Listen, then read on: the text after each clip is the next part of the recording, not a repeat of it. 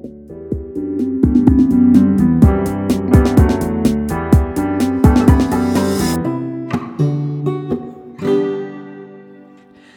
байцгаана уу ихэм сонсогчдоо Skeleton podcast-ийн цоо шинхэн дугаар та бүхэнд хүрч байна. Тэгээд өнөөдрийн дугаараар та одоо сайн мэддэг MIT-ийн их сургуульд архитектор мэрэгчлэр бакалаврын зэрэг хамгаалсан. За дараа нь Америк нэгдсэн улсын Fulbright-ийн тэтгэлгээр Harvard-ийн их сургуульд хот төлөвлөлтөөр магистрийн зэрэг хамгаалсан дэлхийн хоёр топ сургуулийг төгссөн цөөхөн монголчуудын нэг Hot podcast-ийн хамтран хөтлөгч үүсгэн байгуулагч Алдар Сахаа хчиг өөрж оролцуулаад байна. Юун төрөнд манай баг хамт олон урилгыг хүлээж авсан танд маш их баярлалаа. Намайг оролцуулж аваад маш их баярлалаа. За баярлалаа. Тэгээд өнөөдөр ярианыхаа хамгийн ихний салхийг хагалсан асуултыг одоогор хамгийн сүүлд ажиллаж байгаа таны төслүүдээс эхлэе гэж бодож байна. Ямар төслүүд дээр ажиллаж байна? Ер нь бол миний мэдх юм бол таны хувьд бол илүү нийгмийн одоо идэвхтэн зүтгэлтэн гэж одоо хэлэх те Монгол оронд тулгамдаад байгаа хот хот төлөвлөлтүүдийг бас залуучуудын боловсралт илүү хөнтэй хөв нэмэр оруулах сайн дурын маш олон төслүүдээр ажиллаж байгаа хүн гэж би хардаг. Тэгэхээр одоо сүүлийн үед ямар төслүүдээр ажиллаж байна? Аа за баярлалаа. Зөндөө их магтуулчлаа жоохон санаа зовчлаа. Аа ажиллаж байгаа юмнууд гэвэл голцоо нөгөө нэг жоохон шинэлэг юмнууд байгаа болохоор илүү дижитал шийдлүүд технологиг ашиглаад а мөн одоо яг иргэдийн төлөөллөөс гарсан шийдлүүдийг яаж нөлөө нэвтрүүлэх үү гэдэг тиймэрхүү юм дээр явж байгаа. Гэхдээ одоохондоо бас яг нэг тийм даацтай юм явсан болоог болохоор яг яг ингэсэн тэгсэн гэж хэлэхэд ихтэй байна тий. 2 сард нээлттэй хийж авах шиг байсан. Лаб маань онлайнаар нээлт. Тий. Тэгээд гол зорилго нь болохоор ингээд дэлхийд даяар 100-аад одоо төв дээр бүгдэрэн дээр нь хийсэн байгаа. Тэгээд аль болох хурдан мэдээлэл солилцоод хурдан одоо байгаа одоо асуудлуудад ингээд туршилтууд хийгээд тэрнээсээ суралцаад ингээд явдаг тийм зорилготой нэг ажаал гэж ярьдэн штэ. Тий Тийм тэгээд яг бас сонирхолтой тэгтээ бас сурагч юм их байна, мэдгч юм их байна. Тийм тэгээд шинэ болохоор бас бид нар бас уучраа яг бүрэн сайн олоогүй л байна л да. Ер нь бол нэг үгээр хэлэх юм бол тий. Аа за баярлалаа. Хамгийн анх Америкийн нэгдсэн улсыг зорьсон. За MIT болон Harvard гэдэг бол одоо зөвхөн Монгол залуучуудын гэлтгүү сурагч нарын гэлтгүү дэлхийн бас маш олон хүмүүсийн сурахыг хүсдэг топ сургуулиудын нэг. Тэгэхээр хамгийн анх бол community college-оор дамжиж явж ирсэн гэсэн. Тэгэхээр ер нь Монголоос Америкийн нэгдсэн улсад хөл тавих тэр үе ер нь яагаад гадагшаа сурахаар болсон. За тэр дундаа яагаад Америкийн нэгдсэн улсыг тухай сонгохоор болов ямар нэгэн хүчин зүйл нөлөөсөн үү? Таны багын мөрөөдөл байсан уу? Гинтийн шийдвэр боломжууд гарч ирээд явцсан уу гэдгээс одоо яриагаа эхлэе гэж бодож байна. За тэлгүй хаа. За яг Америк сурах талаар бол одоо яг сүүлийн үед хүмүүс аюух тэр жишээг ярьдаг болсон. Хүн болгоно тодорхой хэмжээнд Америк яваад үтцсэн, сурцсан, туршлагатай болсон болохоор тэрийг хуваалцаад янз бүрийн ларга замаар явцсан байгаа. Тэгээд одоо нэг үе явахад нэг харцангуй мэдээлэл сайтай болсон болохоор нэг юм ойлголт авцсан байгаа. Яг намайг яг 10 жил төгсөж байхад би чинь жоохон өмнөх үеийн төгсөлт болохоор тэр үед айгу мэдээлэл баг байсан. А би бол зүгээр яг айгу багасаа нөгөө нэг жоохон зураг мураг зураал тэгэл жоохон бүтээлч юм дуртайсан болохоор за нэг тим төрлийн ажил хийнэ гэж бодоод тэг эхлээд яг зураач болоо гэж боддог байсан. Тэг архитектороос сурах гэхэлэр яад ч нөгөө нэг багасаа телевизээр үзэхлээр гадны юмнууд л ингээл амар гоё байшингууд амар гоё орчнууд байгаад байдаг. А манад үзэхлээр яг л нэг юм социализмын хотууд л байгаад байдаг те. Тэнгүүд за бид нар ер нь би ер нь гадагшаага явж нэг юм ихгүй бол энд байгаагаараа явах юм бол агүй тийм хязгаарлагдмал нөхцөл байх юм байна гэж санагдаад тэгэл ер нь бас угаасаа багасаа бид нар чинь Америк кино үзээд Холливуудын кино үзээд өссөн болохоор яг нэг тийм нэг гоё орчин байгаад байна, нэг улс байгаад байна. Тэрийг очиж үзэж тэндээс суралцмаар санагдаад Тэгээ ерөөсөө Америк гэдэг л бодолтой байсан. Тэгэл тэр чинь бараг л дунд сургуулаас гисэн мах л та. Тэгэл Америк яв ерөөсөө Америк явмаар л санагдаа. Тэгээ би яг юу 5 дугаар анги хүртэл эртнэд байсан юм. Тэгээд хотод ирсэн. Тэгээд хотод ирчээд яг би эхлээд нөө юуны сорсын сангийн тэтгэлгээр 10 жилийн хүүхдүүдийг солилцоор явуулдаг гэсэн. Тэрэнд э, өгж үтсэн л те. Тэг би даач тэнцээгөө. Миний англи хэл хүрээгүй. Ер нь англи хэлний шалгалт авдیں۔ Тэг би нөө улсын сургууль сурдаг гэсэн. Тэгээд миний англи сургуультай байхад дажгүй байсан. Ер нь болом боломжийн байсан. Тэгээд яг тэр олон хүүхдүүдийн дунд ороод өршөлтөө төрхлөөр ер нь бол чадаагүй л те. Тэгээд тэрэнд ороод аягүй сэтгэлээр унаад за би ер нь бүтгэн байна. За нэг өөр арга хэмжээ бодъё даа. Тэгээд яг өдөр шөнөгүй ээж автагаа ингээл яриад өглөөл ангууд. За энийг явуулахгүй болохгүй л гэж бодсон шиг. Тэгэл хамаг одоо юу гэдгийг боломжоо ашиглаад тэгээд олон арга замууд байсан л да тэгээд юугаар явдаг. Их сургуулиудаар шууд явдаг бол нэлээ хэцүү. Яа тэлэр тэнд чинь надад бол англи хэлнч нэг сайн биш, төлбөрийн чадварч бас нэг тийм өндөр биш. Тэгэл асуудлууд байсан болохоор тэгэхээр юугаар бол би эхлээд юугаар явсан юм. Хай скуулийн хагас жилийн хөтөлбөрөөр явсан юм тэр нь болохоор төлбөртэй. Тэгтээ хамаагүй боломжийн үнэтэй. Одоо эхний одоо entry gateway л болж байгаа байхгүй. Тэгээд яваад а тэнд л бол би жоохон сонин газар очисон л доо. Кентакид очисон би. Kentucky-гийн бүр яг middle of nowhere гэж ярьдэн шүү дээ. Тэ хаач байгаа нь мэддэхгүй бараг газрын зураг дээр байхгүй тийм газар байсан. Тэгээ тэнд хагасчил агаад тэр болохоор нөгөө boarding school байсан. Гэсэн мөртлөө айгуу жоохон аа тийм таата тухтай бол биш жоохон асуудалтай Америк хүмүүс мөхдөд очдаг. Тэгээ нэг төөрцөн хідэн олон улсын мань мэт мэд шиг гэдэг хүмүүстэй. Тэгээ тэнд бол яг дажгүй байсан. Тэгээ тэнд англи айгуу гайгүй сайжраа. Дээрэс нь бас яг нөгөө нэг Америкийн амьдралын маягийн байд юм нэгэд. Тэгэл яг нөгөө нэг хөдөөнийх нь амьдралын хэм маяг бол яг тэр чигтэй байж исэн. Тэгээ яг тэнд байж байхдаа би ч бүр өвөл хатсан болохоор очиход угаасаа их сургуулиудын нөгөө материал авах хугацаа дууссан. Боломжууд нь бүгд хаагдчихсан л та. Тэгээ тэнцэнэ байдаг хүүхдүүд багш нартайгаа яриад тэгээ яах вэ хүү гэд тэгээд яасан чинь community college-ууд аюул дэжхүүгээд тэгээ яг тэндээсээ би community college apply-цсан. Тэгээ тэнд байх хугацаанд тооллогод буцаж ирээгүйгээр тэгээд аа тий тийж байгаа apply чад би Монгол буцаж ирчээд нөө виза сольж явдаг л да. Тэгэхгүй бол шууд бас явж болохгүй. Тэгээд тэгээд яасан. Тэгээд бас яг гоо тэнцэнэ тэгээд нэг high school байхдаа бас тэрнийхээ тентгийнхаа олимпиад орсон, зургийн уралдаан мурлаанд орсон. Тэгээд нэг жижигэн жижиг хийгээд амжсан. Тэгээд айгүй сонирхолтой байсан тэр нэг айгүй тийм нэг өөр ертөнцөөс. Одоо Америкийг мэддэг басны дараа хүртэл бодглохлоор би юу нэг сони ертөнцтэй байж байгаа дэрсэн юм шиг байгаа. Тэгэл яг comedy college-д ороод comedy college-лоор би яг харж агаад Кентакид байсан болохоор заавал нэг өөр том хотод хүн ихтэй ч юм эсвэл мэддэг газар очмаар санагдаад тэгээд би ерөөхдөө бол Калифорнид л apply хийсэн. Калифорни нэг Orange Coast Community College гэдэг OCC гэдэг газар. Одоо OC гэдэг кино байдаг шүү дээ. Та нар мэдхүүгүй тэрний л яг байдаг газар аахгүй юу? Бас нэлээ Элигийн хажууд байдаг ингээд нэлээ хүмүүс мэддэг. Тэгээд тийшээгээ apply да. Тэгээ харин тийшээ орсон. Аа тэгээд чинь бас нэг бас юу бишээ нэг тодорхой хэмжээний англи нийт шалгалт малгалт өгөөд ягаад магаад орно гэд. Тэгэл яг дараанаас нэг тийшээгээ Community College-д нь бол явсан. Тэгээд Community College-д бол яг оцсон оноо бол бас яг хаа гайгүйсэн. Тэгээд юу хагаад ерөөхдөө за за тэр чинь бас нэг институцийн хэсэг болчихж байгаа болохоор асууж масуу сураглаад юм өмнөхөө очрыг ойлгох чинь тэгээд Калифорни болохоор бас хүмүүс нь хайрцангуй нээлттэй боломжуудтай тэгээд өмнөхөд бол хайрцангуйас том. Тий, арай том, арай нээлттэй газар ч тэгээд boarding school ч юм бол ер нь бол хаалттай шүү дээ. Тэгээд community college бол хамаагүй нээлттэй. Тэгээд манай community college бас айгуу дажгүй сургууль байсан би архитектор сурч исэн болохоор багш нар айгу нөгөө тулж ажилдаг. Тэгэхээр айгу хүүхдүүдээ мэддэг, ойлгодог. Тэгээд би ч гэсэн ангийнхаа нэлээд хүүхдүүдтэй айгу сайн найзлаад бид нар ингээд тэмцээ мэмцээнд бас оролцоод айгу итгэвтэй гоё байсан. Тэгээд манай ангиас л айгу хүүхдүүд э, UCLA эдгээр мэдэрлөө явсан шүү дээ. Тэгээд э, тэр нь тухайн жил одоо community college, танай коллежийн хувьд MIT болон Harvard руу 2 жил сураад нэгсэнд явж байгаа тийм өгөөд. Тэгэхээр энэ босго нь хэр өндөр байлаа. Одоо жилдээ танаас сургуулаас магадгүй тэдний тооны хүүхд ордог ч гэдэм юм уу. Одоо дараагийн зээл рүүгээ ярихад байна. За MIT-гийн босхыг тэгвэл коллежоос MIT-гийн босхыг яаж давсан бэ? Хүндрэлтэй зүйлүүд юу байсан? Тэр шийдвэрийг бас яаж гаргасан? Дахиад дараагийн ингээд нэг том алхам хийж штэ. Тэг аа одоо нэг энэ талаар айгүй яриаг утсан ч бас айгүй сонир байна. А MIT яг юу яадаг юм. За би ингэсэн юм а зур community college дуусах төхөөд эренгүүт за би ерөөсөө ахаад заавал бакалаврын зэрэгтэй олцоод харах хэвээр яхаа сурах хэрэгтэй ингээд зөвхөн 2 жилийн зэрэгтэй болохоор хангалттай байна гэж бодоод аплайд га. Тэгээд тэндүүд би жоох сэтгэлээр унсан л да. Яг ингээд явсан чи сургуулиудын төлбөрүүд нь амар өндөр.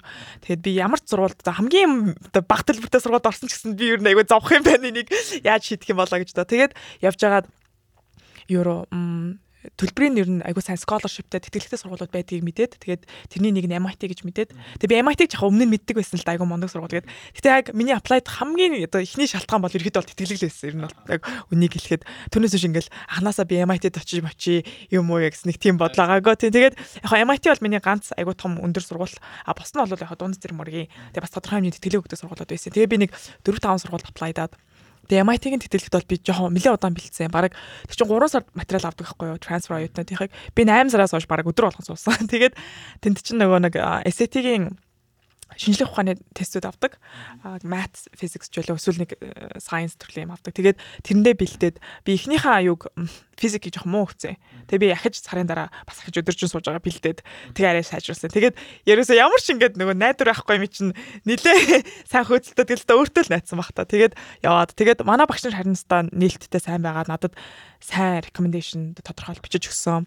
А манай ангийн хүмүүс бол нэг сайн ойлгоогүй. Би бол хинт ч хэлээгүй л дээ ер нь болол. Тэгээд ингээд нэг хальт дурдсан хүүхд намайг ингээ бүр гайхаад чи тэгэж тэрэнд найдаж хэрэггүй баха чи өстө өөр юм таплайдахгүй наа чи айгу бүтггүй штэ ингээ намайг бүр ягаад чи чи гадны болохоор ойлгохгүй байна гэд.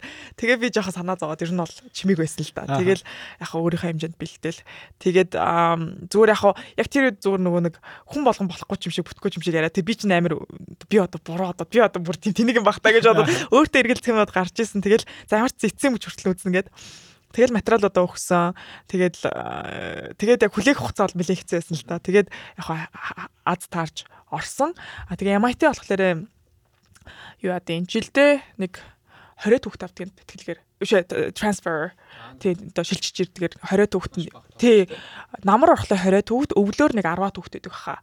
Тэгээд тэгээд айгу баг магадaltaй гэдэг. Би тэрийн ч гэсэн мэдчихэж байсан л та. Тэгээд яасан чинь харин намайг авцсан. Тэгээд community college-оос бол би өшөө тэгээс нэг хүүхэд байсан. Нэг хоёр хүүхэд. Тэгээд нөгөөх маань за хаанаас ялгаа Ирак Мирак байлоо. Нэг тийм усаас дөрвж ирсэн хүүхэд. Тэмээмэ тэмээмэ онж ирсэн ч л мэдгүй нэг тийм.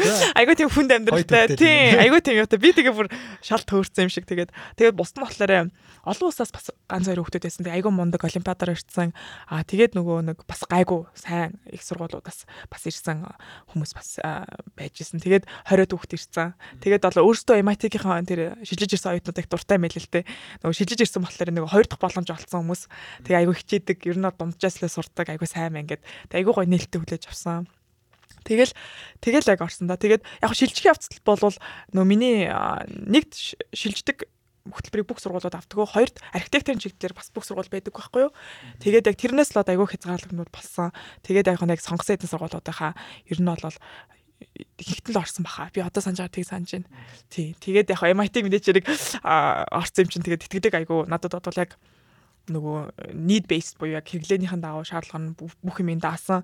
Тэгэл ерөөсө шал юунд өөр төвшин очсон л та. Миний суралцах юу бол journey гэх юм уу тий. Тэгээд Тэгээд MIT-г ерөнхийдөө бол амжилттай төгсөөд өмнө тань таны бичсэн постуудыг харж хагаад 9 жилийн дотор нэгсэндээ 3 төгсөлтийг бол хийсэн. Тэгэхээр чи маш богино хугацаанд тэгээд богино биш. Богино биш. Миний удаа айгаа олон жил алдсан шүү дээ би. Тийм. 9 жилийн дотор дэлхийн 2 топ тэгээ нэг коллежтэй төгснө гэдэг байна. Тэгээ зарим хүмүүсийн хувьд за дөнгөж Америк нэгдсэн улсад топ сургуулийг төгсчөөд ажлын байран дээр гараад бас тодорхой 5 жил ч юм уу ажиллаж үзээд эргээд мастраараа суралцъя гэдэг тийм бодолтой байдаг. Таны хувьд болохоор за ер нь нэг төгсөөд MIT төгсөөд удаагүй багтаа ягаад хот төлөвлөлт гэдэг мэрэгчлийг сонгоод тэгээд эргээд Harvard дээр мастраа сарай гэж бодсон бай. Тийм, ер нь бол би одоо яг бодоод байхад бас яг дундаа ажиллаж бас зүгээр юм байлаа гэж бодсон. Би бол нөгөө нэг яг ингээд виста тултлан сораал ингээд бүх юма мэдчихэл хариндаа л гэдэг бодолтойс болохоор яг тэрэндээ яагаад яатсан. Тийм. Тэгээд юугаар болвол MIT-д чинь би орохдоо би бараг 1 жил илүү 2 жил алдсан. Яг л community college-оос чинь тэр болгон хүүхд ороод идэггүй. Ялангуяа баруун эргээс зүүн эрг рүү ирээд л стандарт нь өөр хичээлүүд нь өөр болохоор би зарим кредит авч чадаагүй байхгүй юу.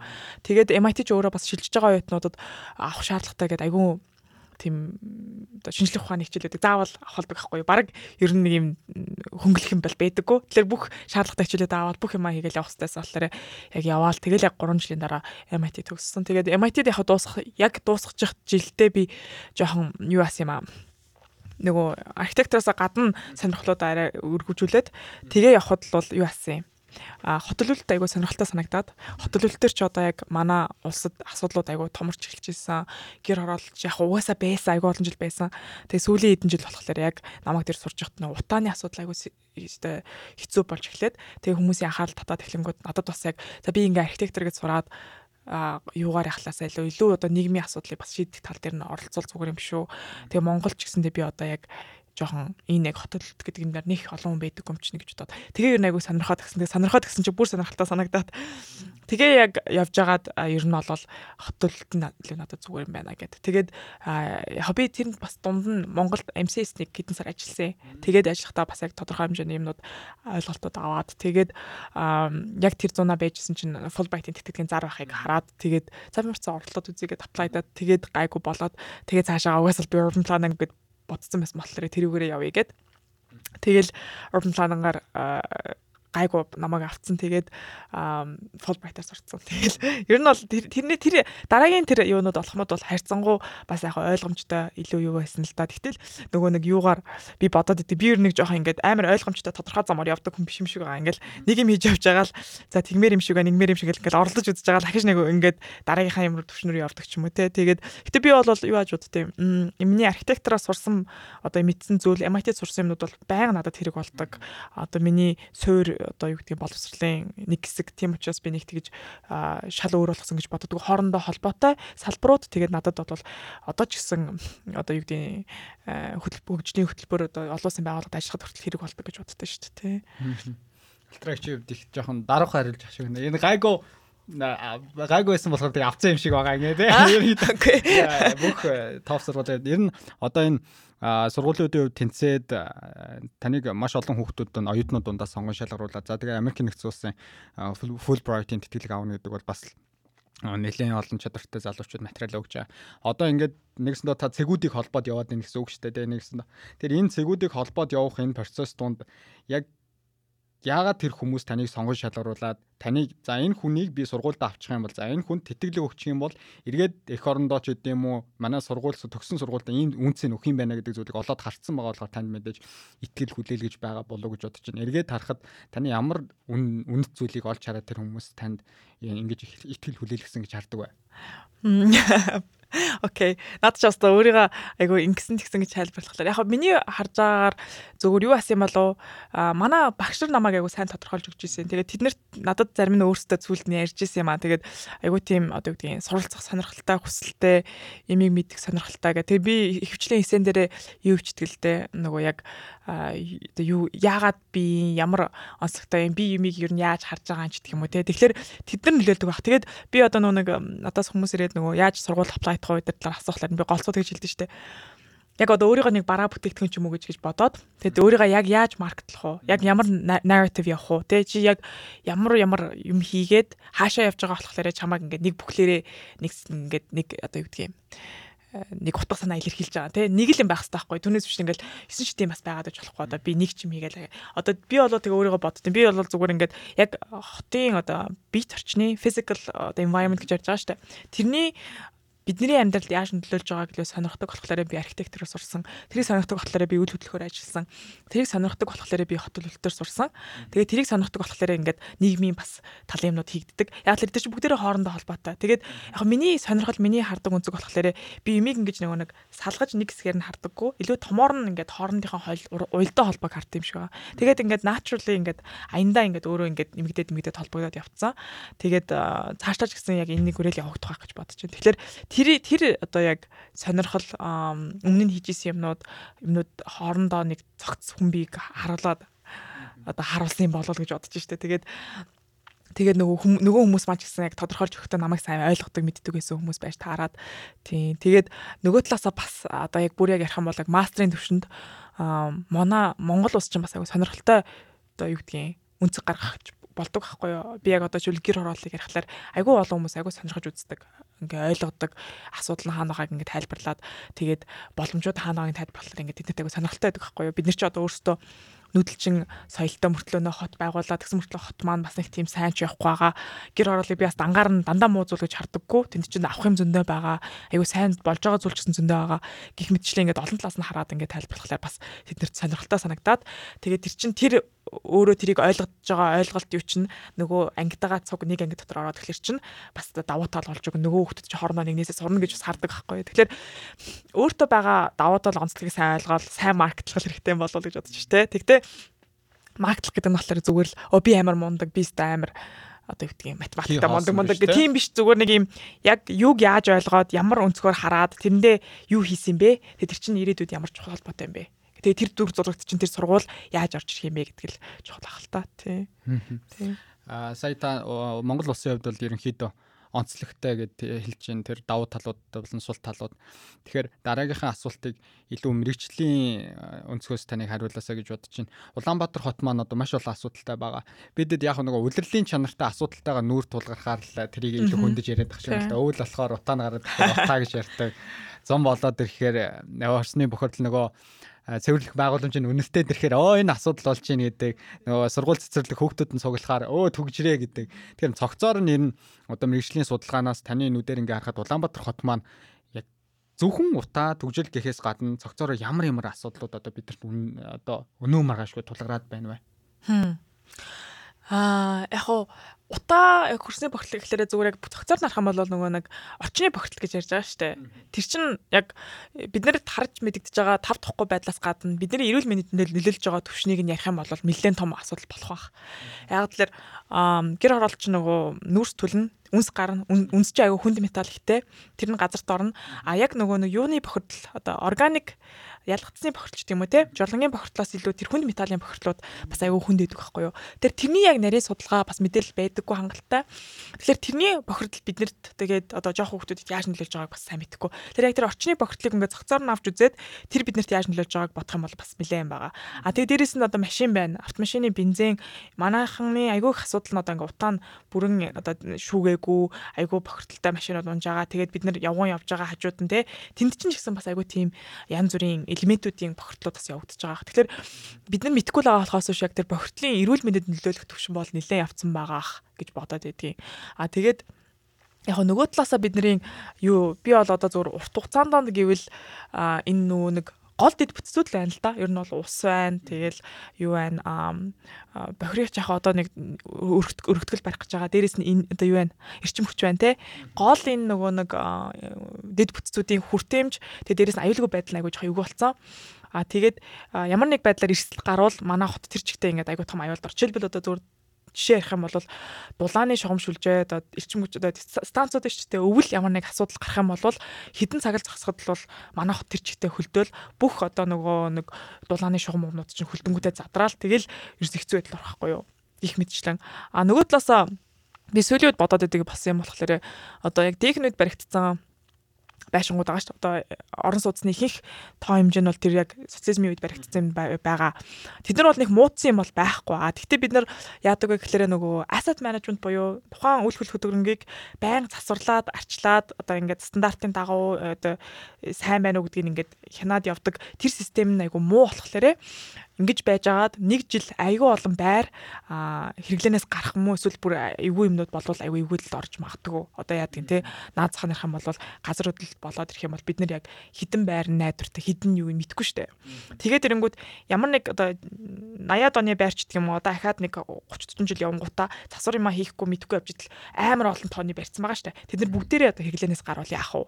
Тэгвэл ахаад бид нар ахаад нөгөө нэг гэр хороол гэдэг шиг чинь тэрнээс долоон дор ингээ гето шиг одоо ингээ тийм байшин асуудалтай хүмүүс нь орох газаргүй ч юм уу тиймэрхүү юмуд тулгарх байх магадaltaй. Тэгээ би зүгээр яг тэрийг айгу том ер нь бас ирж байгаа гэж бодод бодоод идгийн. Яг тэр орон сууцны аа одоо юу гэж нэрлэх юм те housing stock crisis гэж хэлж болно л доо. Тэгэл тэр тэр бол бас байж болох юм. Яг л бид нар ерөөсөө байшингаа үл хөдлөхөрөнгө арчилж чаддаггүй байхгүй юу. Одоо уул чинь сөөхөн л ажилтаа ер нь бол тий. Тэгээд тэгээ ус би одоо усны тоо мэдээлэл яг би нэлээд хэдэн жил юм харж ирсэн.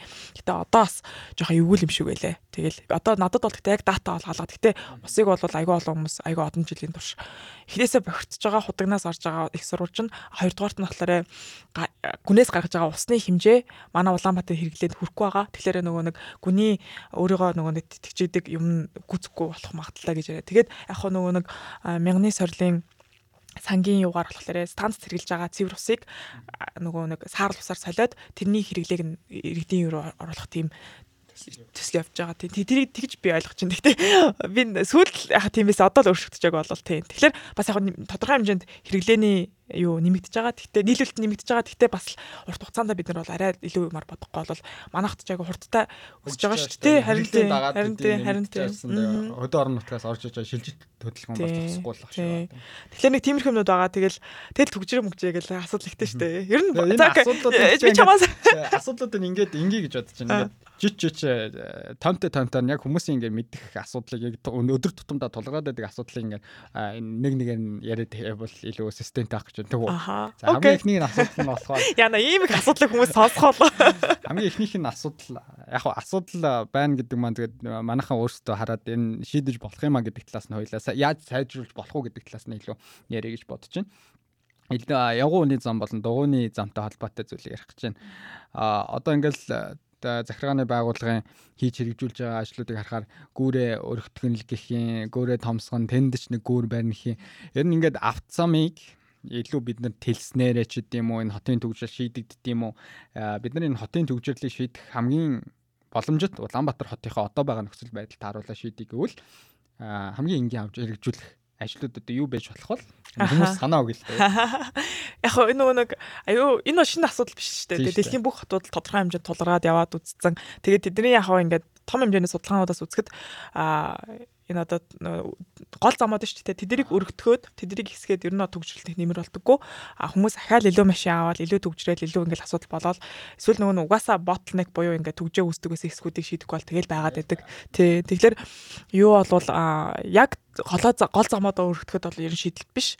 А тэгээд хамгийн одоо ойлгомжтой нэгдсэн байдлаар шийддэг нэг арга бол угаасаа нийтийн тээвэр одоо нэг дор явах хүмүүсийн тоог хэсэгчиж илүү их нөгөө нэг одоо юу optimization юм да тий одоо үр ашгийг хэсгэж өгж байгаа. Тэгэхээр тхийн тулд яадаг гэхээр нийтийн тээвэр.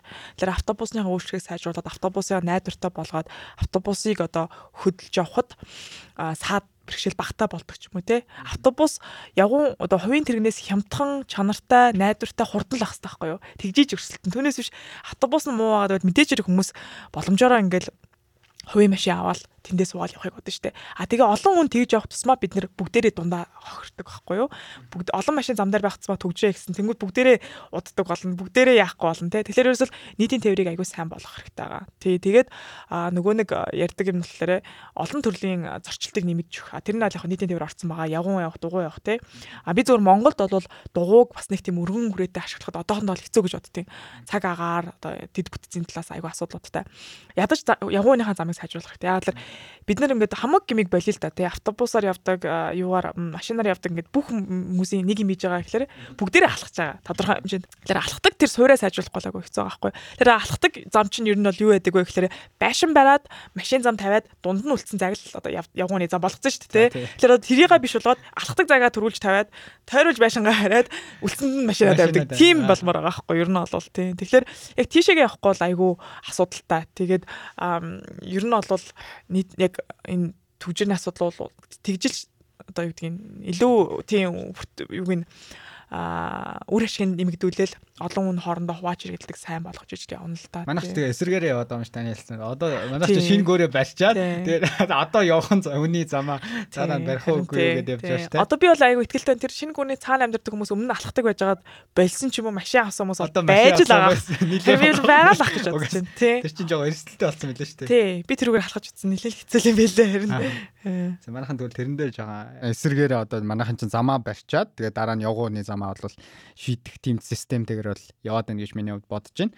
Тэгээ таны хувьд болохоор SG Hot подкастыг бол бас үүсгэн байгуулсан. Тэгээд SG Hot подкастыг зорилгоцсон да миний харж байгаагаар муу адилхан энэ Улаанбаатар хотынхоо хот төлөвлөлтийг дараагийн төвшөнд гаргachи асуудлыг сайжруулчи иргэдэд бас зөв ойлголт өгчи гэдэг талаас хамтран хөтлөгч ангичнтэй хамт хийгээд явж байгаа гэж би бол харж байна. За тэгэхээр зөвхөн одоо захиргааны байгууллагын ингээд энэ хотыг чинь шийдээд ингээд гоё болохоос гадна иргэн хүний оролцоо гэж байгаа Улаанбаатар хотын амьдарч байгаа хүмүүс иргэн. Тэгэхээр одоо иргэн хүний оролцоо ер нь их хотын иргэн хүний оролцоо гэхээр тэр хүний хувьд бол хамгийн маш энгийн зүйлээс эхлэе гэвэл ер нь ямархуу байдлаас эхлэх нь зүйтэй вэ? Тийм яг наад асуудлаас чинь болж ер нь бол подкаст хийж бодсон. Тэгээд би яг Монголд ирчээд юу хараад яг хот төлөлт яаж явагдаж байна хин яаж оролцож байна гэдэг үзэхлээр ерөөхдөө манай иргэд ингээд яг бүрэн ойлголт аваагүй тэгээд яг яг нэг нэг талаасаа бол дөнгөж сайхан хотчсон улс хотлохлээрээ бас ингээд яг суралцж амжаагүй байсан л та. Тэгээд гол санаа нь бол за ерөөсөл иргэд л энийг жоохон тодорхой хэмжээний ойлголттой байж ич юу хүсэж байгаа яагаад байгаагаа ойлгуулж ич хоёр талаасаа дундаа уулзахгүй бол нэг талаас нь зөвхөн шийдээд тахлаар яг хүндээ хүрсэн хүнийх нь одоо шаардлага хүсэлт нь нийцсэн төрлийн би болохгүй байгаа дах шиг санагдаад тэгээд инч мэт хоёр нь хийж эхэлсэн. Тэгээд гол зарлал нь бол маш энгийн байдлаар л аль болох одоо иргэдүүдэд те залуучуудад мэдээллийг хүргээд яг яагаад ингэж ярьдгийг ямар байдлаасаа ингээд хоорондоо уялдаа холбоотой ингээд тэрийг тайлбарлах гэж оролцсон. Тэгээд хотолч айгу сонирхолтой байхгүй юу? одоо нэг юм нэг хэсэгчлээ нөгөө юмд нөлөөлдөг ч юм уу те ийм нэг систем хоорондоо амар том уялдаа холбоотой. Тэгэхээр ингээд амар ойлгомжтой юмнууд одоо түрүүний ярьсанчлан те машины замын л өргөсчүүл түгжээ байхгүй болчих юм санагдаад хийчингүүд яг бодит байдал дээр хүрэх гээд байгаа үр дүнд нь хүрдэггүй. А тийм учраас ингээд нэг юм сонин ингээд шууд ойлгомжтой биш юм шиг мөртлөө буруу юм шиг мөртлөө зөв юм шиг тийм сонин сонин шилүүд байдаг. Тэрийг аягүй сайн ингээд одоо заавал амьдрж иж юм уу туршиж ойлгодог болохоор тэрийг өөр хотуудын жишээгээр аягүй сайн тайлбарлаж өгье л гэж бодсон юм. Тэгээд яг хоо яг иргэний хувьд бол оролцоотой байхаас өөр аргагүй. Яагаад гэвэл эн чинь хот чинь хүмүүсээс бүрдэж байгаа. Хүмүүс чинь одоо өдөр тутам амьдрахын тулд заавал бос хүмүүстэй харьцаж одоо одоо юу те харилцаа үйл ажиллагаанд оролцож байгаа. А тхийн тулд 2 3 талаасаа жигдхэн юм эсвэл нэг ойролцоо хэмжээний ойлголттой байхгүй бол бүгдээрээ өөр тийшээ харж байгаа бол бас хамтдаа өгчөд хэцүү шүү дээ те. Одоо бүгдээрээ дөрмөө баримтлахгүй машин унаад ахлаар чинь төгжээнд хэдэн хувь нөлөөлдөг. Одоо баг төгжээний чинь 20 30% нь дөрөв баримталдаг хүмүүсээс болдог гэж юу үздэг шүү дээ. Тэгэл бодхолоор чинь бид нэр айгүйх одоо хохирж байгаа байхгүй нийтээрээ нэгцэн ойлголтгүй зөвсөл нэгцэн эрх ашгаа хамгаалж чадахгүйгаасаа болоод Тэгэхээр тэрийг ер нь айгу нэгтэлт нь гаргая гэд. Тэнгүүтээ яг хуу яг манай подкастнда бид нар 9 төр 9 ангаар бол 9 өрөм тайлбарлах гэж оролцсон. А би бол зүгээр ингэж боддоо. Яг иргэн үеийн хувьд, хотын үеийн хувьд яг юу хийж болох вэ гэхээр зүгээр өөрийнхөө иргэн тойронд амьдарч байгаа. Амьдарч байгаа газрынхаа иргэн тойронд юу болж байгааг айгу сайн мэдчих хэрэгтэй. Тэгээд тэрийг а хууль бус юм уу эсвэл асуудалтай юмнууд хийжээвэл тэрийг хөөцөлтөөд сургийг сонсоод ойлгоод шаардлага хүргүүлээд тэ өөрийн чинь төлөөсөн хүмүүс одоо засаг дарга юу дүүрэг мүрэг тэр хүмүүстэй мэдээлэл хүргээд хамтарч ажиллаад шаардлага хүргүүлээд тэгэж явчихвал бас айгүй том алхам болж чадна. А тэр бол яг нөгөө нэг яг идэвхтэй иргэний нэг хэлбэр. А бүр хамгийн энгийнээр хамаал зөөр өдөр тутам хотын амьдралд оролцохдоо дөрмөл баримтлах нэг баримтлах нэг чухал. Тэ одоо юу гэдгийг аль болох гарцаараа тий гарцаараа гараад машин барихлаараа дөрмээрээ яваад. А тэгээд бүр цаашлуулах юм бол түрүүн ясанчлан төгжээнд өөрөө нэмэр болж өөрөө төгжээнд гацж яхад нийтийн тэрээр явдаг ч юм уу те эсвэл алхдаг ч юм уу те гих мэдчлэн маягаар тэгэхээр нэг яг өдөр тутам хийж байгаа үйл ажиллагаагаар явж болно. А цаашлах юм бол яг орчныхоо үйл ажиллагаанд яаж ямар өөрчлөлтүүд гарч байгааг хянаад тий энэ тэрэнд яг шийдвэр гаргалт гүйцэтгэлд нь оролцох Тийм тэр бол жоохон хэцүү. Гэтэ би бол олон хүн тэгээд автсан бол манай хотл үзэгцтэй л болох юм болоо гэж бодож. Шаардлага үүсээд. Тэгээд тэрний тод тод жишээнүүд байна л да. 120 мянгатын олон нийтийн талбайг бол аа буцааж авсан барилга гарах гэжсэн чинь за тэгээд Фонтана авры гэдэг хөдөлгөөний таад бас эхлүүлээд тухайн а дахин шинжилэл хийн гэдэг нэрийн доор дахиад хашаалтсан байсан. Бас аварч чадсан. Тэгэхээр иргэд өөрсдөө санаачлаад ингээд өөрсдийн хүсэл зориг байх юм бол ингээд цагиргааны энэ эрх мэдэлтнүүдний шийдвэрийг зогсоож чаддаг юм гэдэг юм томоохон томоохон шийдвэрүүд сүүлийн 2 жил 3 жил гарчлаа. Тэгэхээр бол болж штэ манайхаа. Тийм харин тийм. Тэгээд Улаанбаатарт бол хамгийн их дутагдж байгаа зүйл бол олон нийтийн талбай ногоон байгууламж байхгүй юу. Тэгээд тэрийг ч хүмүүс айгуу сайн ойлгодог болцсон. Тэгээд яг хөө мэдээч хэрэг ингээд эсэргүүцэлтэд тулгараад ирэх тусам хүмүүс тэр ногоон байгууламж нийтийн талбайг одоо булааж авах ч юм уу юм барихыг орлогууд ч гэсэн баг хийдэг болно шүү дээ. А ер нь бол миний ойлгосноор бас яг хотын төвшөнд ч юм уу ингээд бас бодлого гаргаж байгаа хүмүүс тэрийг хамгаалах э, бүр ингээд хууль ёсондоо ингээд дөрмөндөө оруулах тэр тал руугаа явж байгаа. Тэгэхээр заавал ингээд байнга тэмцээл зовоол эсэргүүцээд халбгүй болох хаа гэж найдаж байна. Тэгвэл бид нар дараагийнхаа төвшөнд очиод байгаа цэцэрлэгт хүрэл нь олон нийтийн талбай илүү гоё болгоо л да тэ хогийн түүгээд ногоог нь ургамлын засаад тэ. гоё санаа. Тий тэгж л энэ том том хотууд чи өөрсдийн гэсэн тэгэл олон нийтийн нэг тодорхой нэртэй албартай талбайнууд байдаг өстэй завхууд нь өөрсдөө цагаан өнгөрөөдөг. Монголд ч тийм нэг гоё Аазтай байдаг шин том нэртэй тийм гоё хүрээлэнтэй болё л дээ. Энд чинь ийм өргөөдөн гоё газар тэгээд тогтчлаад ячвал манай залуучууд гоё арчлаад гоё аваа авчих واخа л гэж бодож байна. За нэг л зүйлээ бид тэд аварч чадаагүй тэр нь бол байгалийн түүхийн музей. Тэгээ байгалийн түүхийн музейг бид тэд аварч чадаагүй. Тэгээд ер нь энэ дээр зүгээр Монголд Улаанбаатарт хэлтгөө одоо 1950-аад онд баригдсан. За тэрнээс өмнө онуудад баригдсан маш олон түүхийн дурсгалт барилгууд байгаа. Тэгээд одоо би зүгээр залуучуудаа яг та гоё ойлголт өгөөч чи гэж хүсэж байна. Ер нь энэ эртний барилгуудыг ингээл за чанар нь хуучрлаа, илэгдлээ, энийг нураагаа сайжруулах шинэ барилга барья гэж явдаг, нураадаг. Тэгэхээр олон улсад ер нь ямар зарчим ер нь ямар хөө системээр явдیں۔ Ягаад ер нь тухайн хотод түүхийн дурсгалт барилгууд нь үн цэнэ цаг хугацаа явах тусам уг нь бүр үн цэн өсөөд явах болтой ёстой гэж миний хувьд бол хардаг. Тэгэхээр энэ дээр гоё залуучуудад ойлголт өгөөсэй гэж хүсэж байна. Аа түүхэн дурсгалт одоо өв а заавал түүхэн дурсгалч байх албагүй. Ер нь тий ер нь бол онцгой одоо архитекторын ч юм уу инженерийн ч юм уу онцгой шийдэл эсвэл онцгой хүн амьдарч исэн тийм эсвэл онцгой одоо түүхийн хэсгийн үйл явдлын нэг хэсэг болсон. Эсвэл одоо урт настай ч юм уу. Ингээ олон шалгуур байж болдог. Тэрийг тухайн одоо уус хот өөрсдөө гаргаж ирээд тэгээ тэрнийхээ дагуу хамгаалж нэг хэсгээ болгож өгдөг. А тэгээ тэрний давуу тал гэвэл одоо нилээ ид байна л да. Зүгээр наад цах нархан бол аялал жуулчлаа тий. Тэр чин онцлог шинэн болгонгууд ч хүмүүс ирж үзэн тий. Тэрний чин төлөө мөнгө төлнө тий.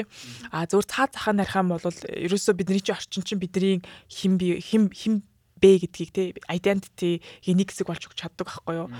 Хүссэн хүсээгүй одоо бид нар одоо ингээ Улаанбаатарт амьдрал ингээ агай тотон болчтой штэ ингээл ингээ социализмын үеийн барилга маалхта. Тэгээ өөр газар очингууд одоо Хонконгт ч байдаг юм уу те Сөүлч байдаг юм очингууд. Чинь шал өөр нөхцөл. Бид нар тэнд чинь бас яаж одоо ямархуу үйл үйл ажиллагаа хийх яаж одоо бие авч явах тэр чинь шал өөр болчдөг байхгүй юу. Тэгэхээр тэр нэг төвшний ингээд нэг өөрийн одоо хинбэ ямар хуу байдалд өссөн ямар ямар орчинд өссөн бэ гэдгийг тэр нэг хэсэг болсон юмны чинь ингээд хурдан хурдан өөрчлөлтөд байвал одоо үе үе шүү дээ. Генерашны хоорондох тэр нэгдсэн дурсамжууд байхгүй болчих واخгүй юу. Одоо жишээл бидний тодорхой хэмжээнд бидний одоо өвөө эмээ ч юм уу хотод төрөө байсан бол яг одоо хотын төвийн э, тэр нэг хуучин байшингууд ч гэдэм үү одоо 40 50 мянга ч гэдэм үү эсвэл зүгээр 3 4 дэх ч гэдэм үү тодорхой хэмжээний бас адилхан бидний явцсан байгаа байхгүй юу. Тэнгүүд биднэд ч ойлголцоход ч амар э, дурсамжууд нь ч гэсэн ойролцоо ингээд нэг юм хүнтэй харилцаж нэг төвшөнд очиход айгүй хэрэг болдог. Бид нар тэрийг чухал ач холбогдлоо гэж боддгоо ч гэсэндээ айгүй тийм э, чухал юм гэсэн байхгүй. Одоо нөгөө талаас нь шууд ярих юм бол гэр одоо шүү дээ гэр төссөн хүмүүс гэр ингээл амар дурсамжтай ингээл ингээл уянгалаг яадаг шүү. Тэрнтэй чинь бас төстэй байхгүй юу? Яг бидний одоо өссөн орчны нэг хэсэг чинь Улаанбаатар хотын яг тэр нэг дүр зураг байгаа. А тэрийг бид нар ингээд үе үеийн хооронд нэгдсэн одоо юу гэдэг дурсамж үлдээгч амжихгүйгээр өөрчлөөд байвал тэнд чинь холбох юмгүй болчихно нэгд.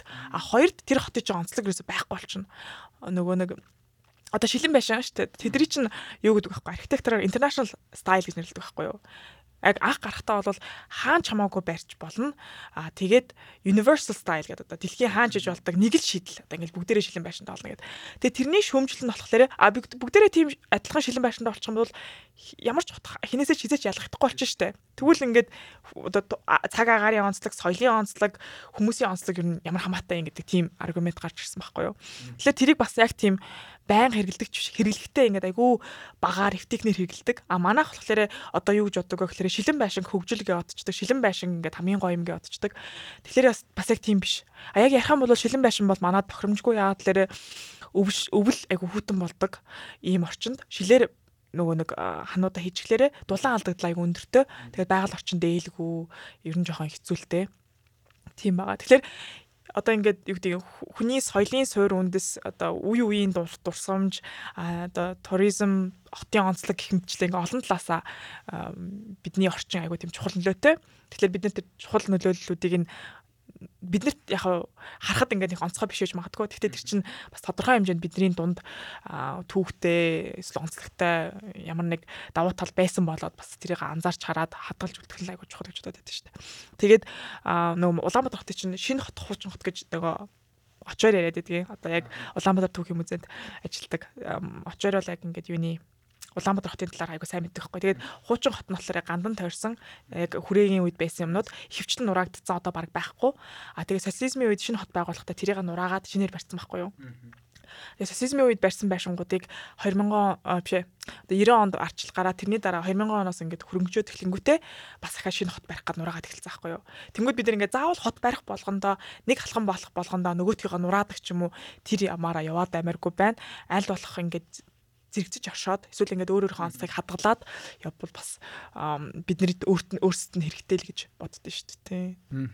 Аа. Яг одоо нөгөө социализмын үеийн ингээд нөгөө аа тухайн үед баригдажсэн барилга одоогийн хот гээд одоо мэдээж энэ хооронд нэг гэр хороолол гэж хамгийн их нэг яриагаа унтсан.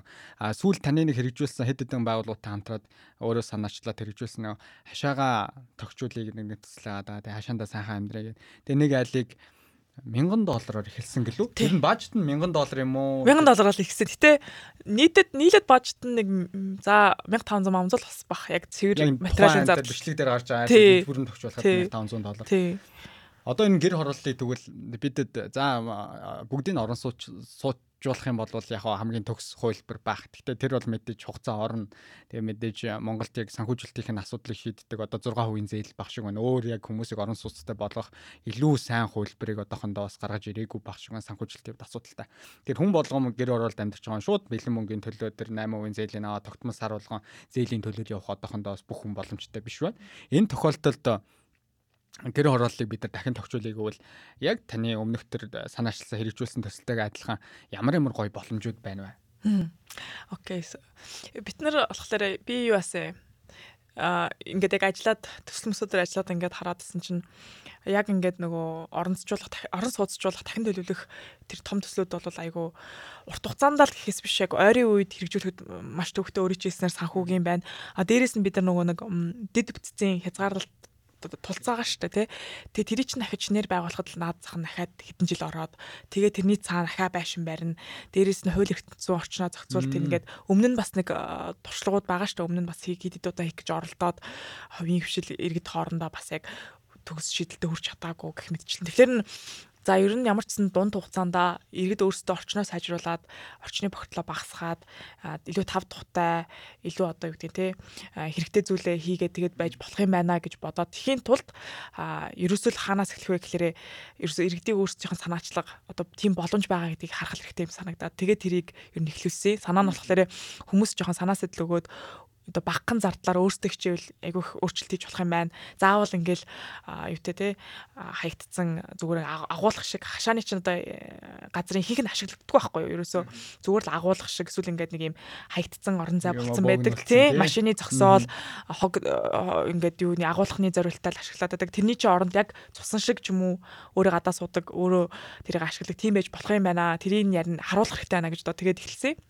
Тэгээ хамгийн амархан хүмүүс зүрх нь арга нэг ихлээр ерөөсөө за за ерөөсөө нэг видео нэвтрүүлэг хийх юм байна. Тэгээ нөгөө барууны before and after ингээл том makeover байдаг шүү дээ. Тэр маягаар хийвэл зүгээр байна гэж бодоод тэгээд яг хоо санаагаа ярьж авч хагаад гэр өргөөгийн хамт олонтой яриад тэгээд тэт маань дэмжиэд хамтраад а тэгээд хашаанаа сайхан амьдрий гэд групп байдیں۔ одоо баг 300 мянган хүнтэй нилээ идэвхтэй групп.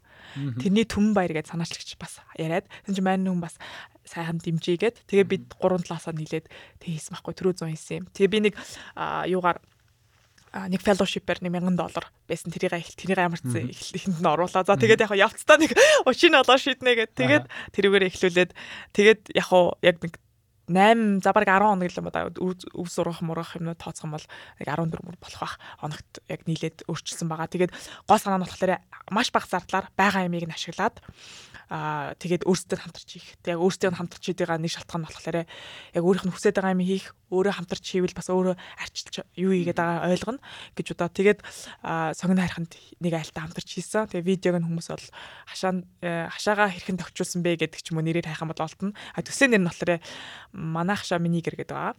Тэгээд тэгээ яг 1000 доллар эхлэн гэтээ яг сүлд нь ахиж санхүүжил босгоод яг цэвэр материалын зардал бол 1500 дотор бол багтана. Ажлын хөлсийн зардал яг жоохон өндөр. Гэтэ гол санаа нь болохоор иргэд өөрсдөө хийж болоод дахад зардал нь хамаагүй байгаа гэж болно шүү. Өөрөө л жоохон хөдөлгөөр авчих тийм хийж болох юм байна. Тий. Тэгэхээр яг одоо юу гэдэг бүр ингээд зэрлэг айгүй ихтэй байсан хашааг нь яг ингээд зүлэг ургуулад. Тэгээ надаас айгүй олон хүмүүс асуусан. Энэ нөгөө нэг юм хиймэл зүйлэг тийм ингээд нөгөө нэг э, хуулаа тавьчдаг ингээд наадаг зүйлэг үгүй юу наад чи ургасгаж ингэж ургаж болж байна гэдсэн. Ер нь бол болох юм байлаа тийм. Тэгээд гих мэтчлэн нэг баг баг хэмжээгээр өөрийнхөө орчийг сайжруулах юм бол наад зах нь одоо өөрийнх нь амьдарч байгаа орчин сайжруулна. А цаанаа гэвэл бас үл хөдлөхөрөнгөний чинь үнэлгээ өснө гэдэг тийм давуу талуудтай байгаа. Тэгэхээр яг ер нь бол тэр л надад айгуу чухал санагдсан. Иргэд өөрсдийнхөө одоо бүтээд гэдэг нь тий хөрөнгө үйл хөдлөх хөрөнгө тэр орчинд анхаарал тавиа сайжруулж гиснээрээ ямар одоо үр нөлөөлөд гарна. Тэр нь ингээд олон хүн хийгдсэн маа биднэрт илүү сайн орчин нөхцөл бий болно.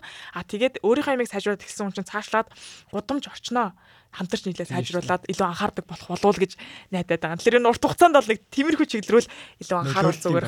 Тий, тий, тий. Одоо магадгүй сонгон харахын дүүрэгтэй тэр нөгөө төвчөөс айл хажуутлын айл бол энэ жил ч юм уу магадгүй хийцэн л байгаа. Ер нь тэгсэн шүү дээ. Нөлөөл явж байгаа шүү. Бид нар эхлээд тэр видеоноор ахлаа эхний ээлжин дээр тэр айл юу чигээг байсан хажуутлын айл нь. Тэгээд сүүлийн дургооны бичлэгэн дээр явууны зам хийсэн байсан. Тэр яг хажуутлаагаа төлөөлцсөн. Тий. Яг одоо нэрийн яг энэ одоо хот төвчлөлтэй холбоотой боловсралтай холбоотой асуудлууд бол яг л хэн нэгэн очоод тэнд нь ингээ сайхан юм бариад юм ингээ шийдэхээс илүүтэй ингээ нөлөөллийн зарчмаар илүү өөр дүнгээ өгдөг юм шиг санагдсан. Тий. Ялангуяа тийч одоо тэр хүний өөрийн хувийн өмч бодлоор тэрнтэй анхаарал тавьдаг тий чинь бас нэг тэр үн цэн дагаад өсөөд явчихсан шүү дээ. Гэтэ яг одоо бас яг гэр хороолын иргэдийг тэр нөгөө нэг сайжруулахад одоо туслах ч юм уу чиглүүлэх төслүүд юмнууд айгу байгаа. Дулаалга гэдэг одоо дулаа нөгөө нэг дулаалга хийх тийм нэг төсөл явж исэн. А тэгж орлонгийн талаараас 2 3 газрууд явж байгаах. А тэгээд тэр хашаандаа сайхан амьдрий гэдэг групп бол маш идэвхтэй хүмүүс нэгнээсээ суралцсан юмуд айгу сайн ярилцаж нэгэндээ уран зориг өгдөг тийм групп байна лээ. Тэгээд гих мэдчлэн бас харьцангуй одоо 3 4 жилиг отгож гисэн ихссэн баах гэж бодож байна. Гэтэ хизээ нэг ингээд нөгөө нэг critical mass гэж байдаг шүү дээ. Нэг хангалттай хүндээ хүрээд бид нарт яг мэддэг технологи юу те. Харин тэг. Аяндаа болохоо л ах гэж найдаж байна. Болохоо л ах гэж бодож байна. Э, дулаалга нэрээ ялч чухал асуудал шүү. Бидэд галт түлээд байна. Тэр чинь дулаалга ямар нэгэн байшингийнхаа цонхоор юм уу, хаалгаар юм уу алдаж байна л гэсэн. Хэрвээ дулаалга асуудлыг э, маш сайн шийдэх материал нь байдаг юм уу бидэд нэг asset management гэж төрөнд ярьсан шиг э, тухайн хүмүүс дулаалга жил тутамдаа хийгээд өвөл болохоос өмнө хийгээд байвал бидэд галт түлэх хугацаа цаг мааж багсан, түш зарцуулт мааж багсан. Тэгээд гих мэтлэн яалч юу тэгээд нэг юмнаас нь ахуулаад хот гэдэг чинь нөгөө юм даа нэршээд явцдаг. Гоё гоё. Ингээд том зэрэг харчаа сонирхолтой тийм. Одоо нэг хүний л хийж байгаа үйл ажиллагаа чинь нөгөө олон мянган давтагдчихж байгаа болохоор ингээд айгу том болчдөг. А нэг хүн гэхдээ бас өөрчлөлт хийчих юм бол тэр нь олон хүн хийж чадвал те бас айгу том өөрчлөлт болдог. Тэгэхээр яг хүнээс айгу шалтгаалаад байдаг байхгүй юу. Тэгэхээр би ерөөсөө за за хүн хүмүүстэй л ер нь хүрэх хэрэгтэй байна. Хүмүүстэй л ер нь танилцуулах хэрэгтэй байна гэдэг тэр айгу хахаар хандуулдаг болсон шүү дээ. Тэгээ тэрнээ ч их олон юмнууд бас явж байгаа шүү гэлээ. За баярлалаа. Та сая хамгийн сүүлийнх яриан дундуур Азийн сангийн хөтөлбөр хөтөлбөр гэж хэлэх үү? Тий хөтөлбөр. Хөтөлбөрийн талаар ярьлаа. Тэгээд сонсогч нараас маань бас ганц хоёр хүн асуусан байлаа. Ер нь энэ Азийн сангийн хөтөлбөрийн зорилго нь юу юм? Ямар хуу процессор яваа сонгон шалгаруулалтын э, жил болгон явд юм уу гэдэг жисэн. Өрөөгөөж нь юу юм гэж асууж байгаа. Окей. Азийн сангийн хөтөлбөр чинь sorry. 2000 за мэдгүй 5 он жилийн өмнө эхэлсэн баха. 6 ч юм уу. Тийм тэгээд гол зорилго нь болохоор нэг Азийн 18 улсад үйл ажиллагаа явуулдаг газраа. Одоо энэ хөгжлийн нийгмийн асуудал дээр ажилладаг жоохон залуу тэгээд нэг жоохон юу идэвхтэй тийм хүмүүсийг нэгтгээд 2 7 хоног юуна 2 7 хоног Азад 2 7 хоног Америкт ингээ хамтарч сургалт мургалт тэгээ явдгийг. Тэгээд яг хаа надад бол би нөгөө нэг айгүйх Америк суурьтай сурсан Америкт ингээд нэтворктэй ч юм уу байжгаад за ер нь би жоохон Азийг сайн мэдэхгүй байна. Аз Азад жоохон юу болж байгаа, ямар хүмүүс байдгийг жоохон ойлгож авъя гэж доо тэр нь бол аплай хийсэн. Тэгээд үнэхээр бол Азийн тэр янз бүрийн хүмүүсээс ирсэн. Тэгээд адилхандаа одоо нийгмийн төлөө юм хийдэг хүмүүс болохоор сонирхолтой юм байлаа. Тэгээд нэгнээсээ их суралцаад тэгээд а яг бас э, би чинь Соул тэгээд Жакарта эдгээр явсан. Тэгээд тэнд очиод үзлэр бас яг сонирхолтой сонирхолтой юм хийж байгаа хүмүүсээ танилцаад тэгээ бас хөөхөн нөгөө нэг 100-аад хүн одоо бас тэр програмд орсон. Тэгэхээр өөрөөсөө бас тийм сүлжээтэй нэгнийгээ харилцаад одоо төстэй юм хийж байгаа мэж байгаа хүмүүсээ суралцах боломжтой айгуу дайггүй санагдсан. Тэгээд ер нь бол жил болгон авдаг. Гэтэ сүүлд коронавигоос л жоохон хойшигдсан байж магадгүй. Аа Тэгээ Монголоос ер нь баг нэг жил таалгасан болохоос баг жил болгон хүмүүс орсон шүү. Тийм тэгээд ер нь бол ингээл янз бүрийн салбарын тийм нийгмийн идэвхтэй юмнууд хийдэг хүмүүс байдیں۔ Тийм. Тэгээд одоо хүртэл нь бол заримдаа айгүй холбоотой байж лээдэг тийм. Тэгээд нь бол нэлээд чухал. Тийм, тийм. Тэр нь надад айгүй таалагдсан. Тийм. Америкт ч гэсэн бас хөөрхөн хүрээлэлтэй. Тэгээд тэрүүгээрээ Америкт үйл ажиллагаа явуулж байгаа янз бүрийн байгууллагуудтай юу адаг уулздаг. Тэгээд өөрөө бас хүсэлтээрээ тийм байгууллагын тийм хүмүүстэй уулзмаа гэхлээр бас холбож өгдөг Тэгээд сонирхолтой. Тэгээд а ер нь 2 жил болгон уулна нэг нэгдсэн уулзалт reunion маягийн юм хийдгийм. Гэхдээ тэр нь бас коронавигоос хойшлцсан. Тийм. Тэгээд тэд нар миний бодлоор яг урт хугацаантай нэг юм сүлжээ үсгээл ингээл Аз дотор нэгнээсээ суралцаал нэгнээсээ дэмжлэг үзүүлэл тэгэл явахыг хүсдэм шиг байна. Тэгээд тэгээд сүүлд биднийг яг төгссөний дараа тэр яг нөгөө төгссөн хүмүүстэй зориулаад нэг бага хэмжээний тэтгэлэг өгөөд одоо 1000 2000 доллар ч юм өгөөд өөртөө одоо семинар нөө юм зарцуулах тийм өгсөн байхгүй. Тэгээ би тэрэнд би нэг юм гэр оруулалтын юм хийж үзмээр нэг гэдэг өгсөн чинь. Тэгээ Азийн сангийн вебсайтаар гарцсан байлээ тэр таны танилцуулаа тий. Өөртөө зарцуул гэсэн чинь ингээд бусдын төлөө бас зарцуулаад. Яг тэгээд угаасаа авахтаа тийм ч тэгж утсан болохоор тэгээд тэгээс аргагүй л дээ тий. Тэгээ бадрун гэд гэр өргөгийн залуу бас яг тэр хөтөлбөрийн хаахгүй тэгээ бит хоёр нийлж агаад яасан санал тавиад тий. Тэгээд үргэлжлүүлээд Монгол дахь Азийн сан тэр төслийг цааш нь дэмжиж өшөөс томсгоод явж байгаа. Тэгээ одоо хүртэл бас явж байгаа. Тэгээ тэрнийхээ дагуу гэр хорооллын 3 айлд 2.5 сая төгрөг өгөөд хашаагаа сайжруулахад нь одоо эдгээр нөгөө нэг зөвлөгөө өгөөд хамтарч хамтарч хичээлэх юм да тодорхой хэмжээнд сайжруулах тийм бас одоо яг явагдаж байгаа. Тийм. Тэхний бол ямар ч зэн зогсоогүй. Хөдөлсөн тэгээд цаашаа энэ маань. Тийм. Тэгтээ яг дуусна л да энэ зов. Гэтэ нөгөө нэг ингээд юу нь болохоор арай жоохон өргөн үрээтэй бас дараагийнхаа руу явах гад тэгээд үзэж байгаа. Тийм. За баярлалаа. Одоо илүү үйл хөдлөлийн хөрөнгөний салбарт таны хувьд ажиллаж исэн болохоор энэ талаар бас талаар хэд хэдэн асуултууд байна. Аа Тэгээ Нью-Йорк хотын эдийн засаг хөгжлийн газар тахлах мэрэгчлэнээр ажиллаж байсан гэсэн. Аа миний зүгээр үнснээр Нью-Йорк хотын эдийн засагт илүү өөрөө өгөөж өгөхүүц тийм үйл хөдлөх хөрөнгийн үнэлгээн дээр ажиллаад гэрээн дээр нийлүүлэлгүй ажилладаг гэсэн гэсэн. Таны хийдэг ажил ерөнхийдөө ямар байсан. Одоо зүгээр би ингээд Нью-Йорк хотын тухайн хотынхоо эдийн засагт нөлөөлөхүйц үйл хөдлөх хөрөнгөний төсөл гэхээр Монгол дээр авчраа болох гэхээр жоохон сонь санагдав. Монгол чинь үйл хөдлөх хөрөнгө чинь ингээд эдийн Монгол Улаанбаатарын эдийн засаг нөлөөлнө гэхээр чи юу вэ? Яаж нөлөөлдөг вэ гэх мэт бодоо. Аа аа юу ядгийн энэ нөгөө нэг эн чинь бас юу байхгүй юу? Яг хотын захиргааны үйл ажиллагааг нь бол хийдэг. Тэгэхээр бас яг ашигын төлөө биш, илүү нийгмийн төлөө байдаг.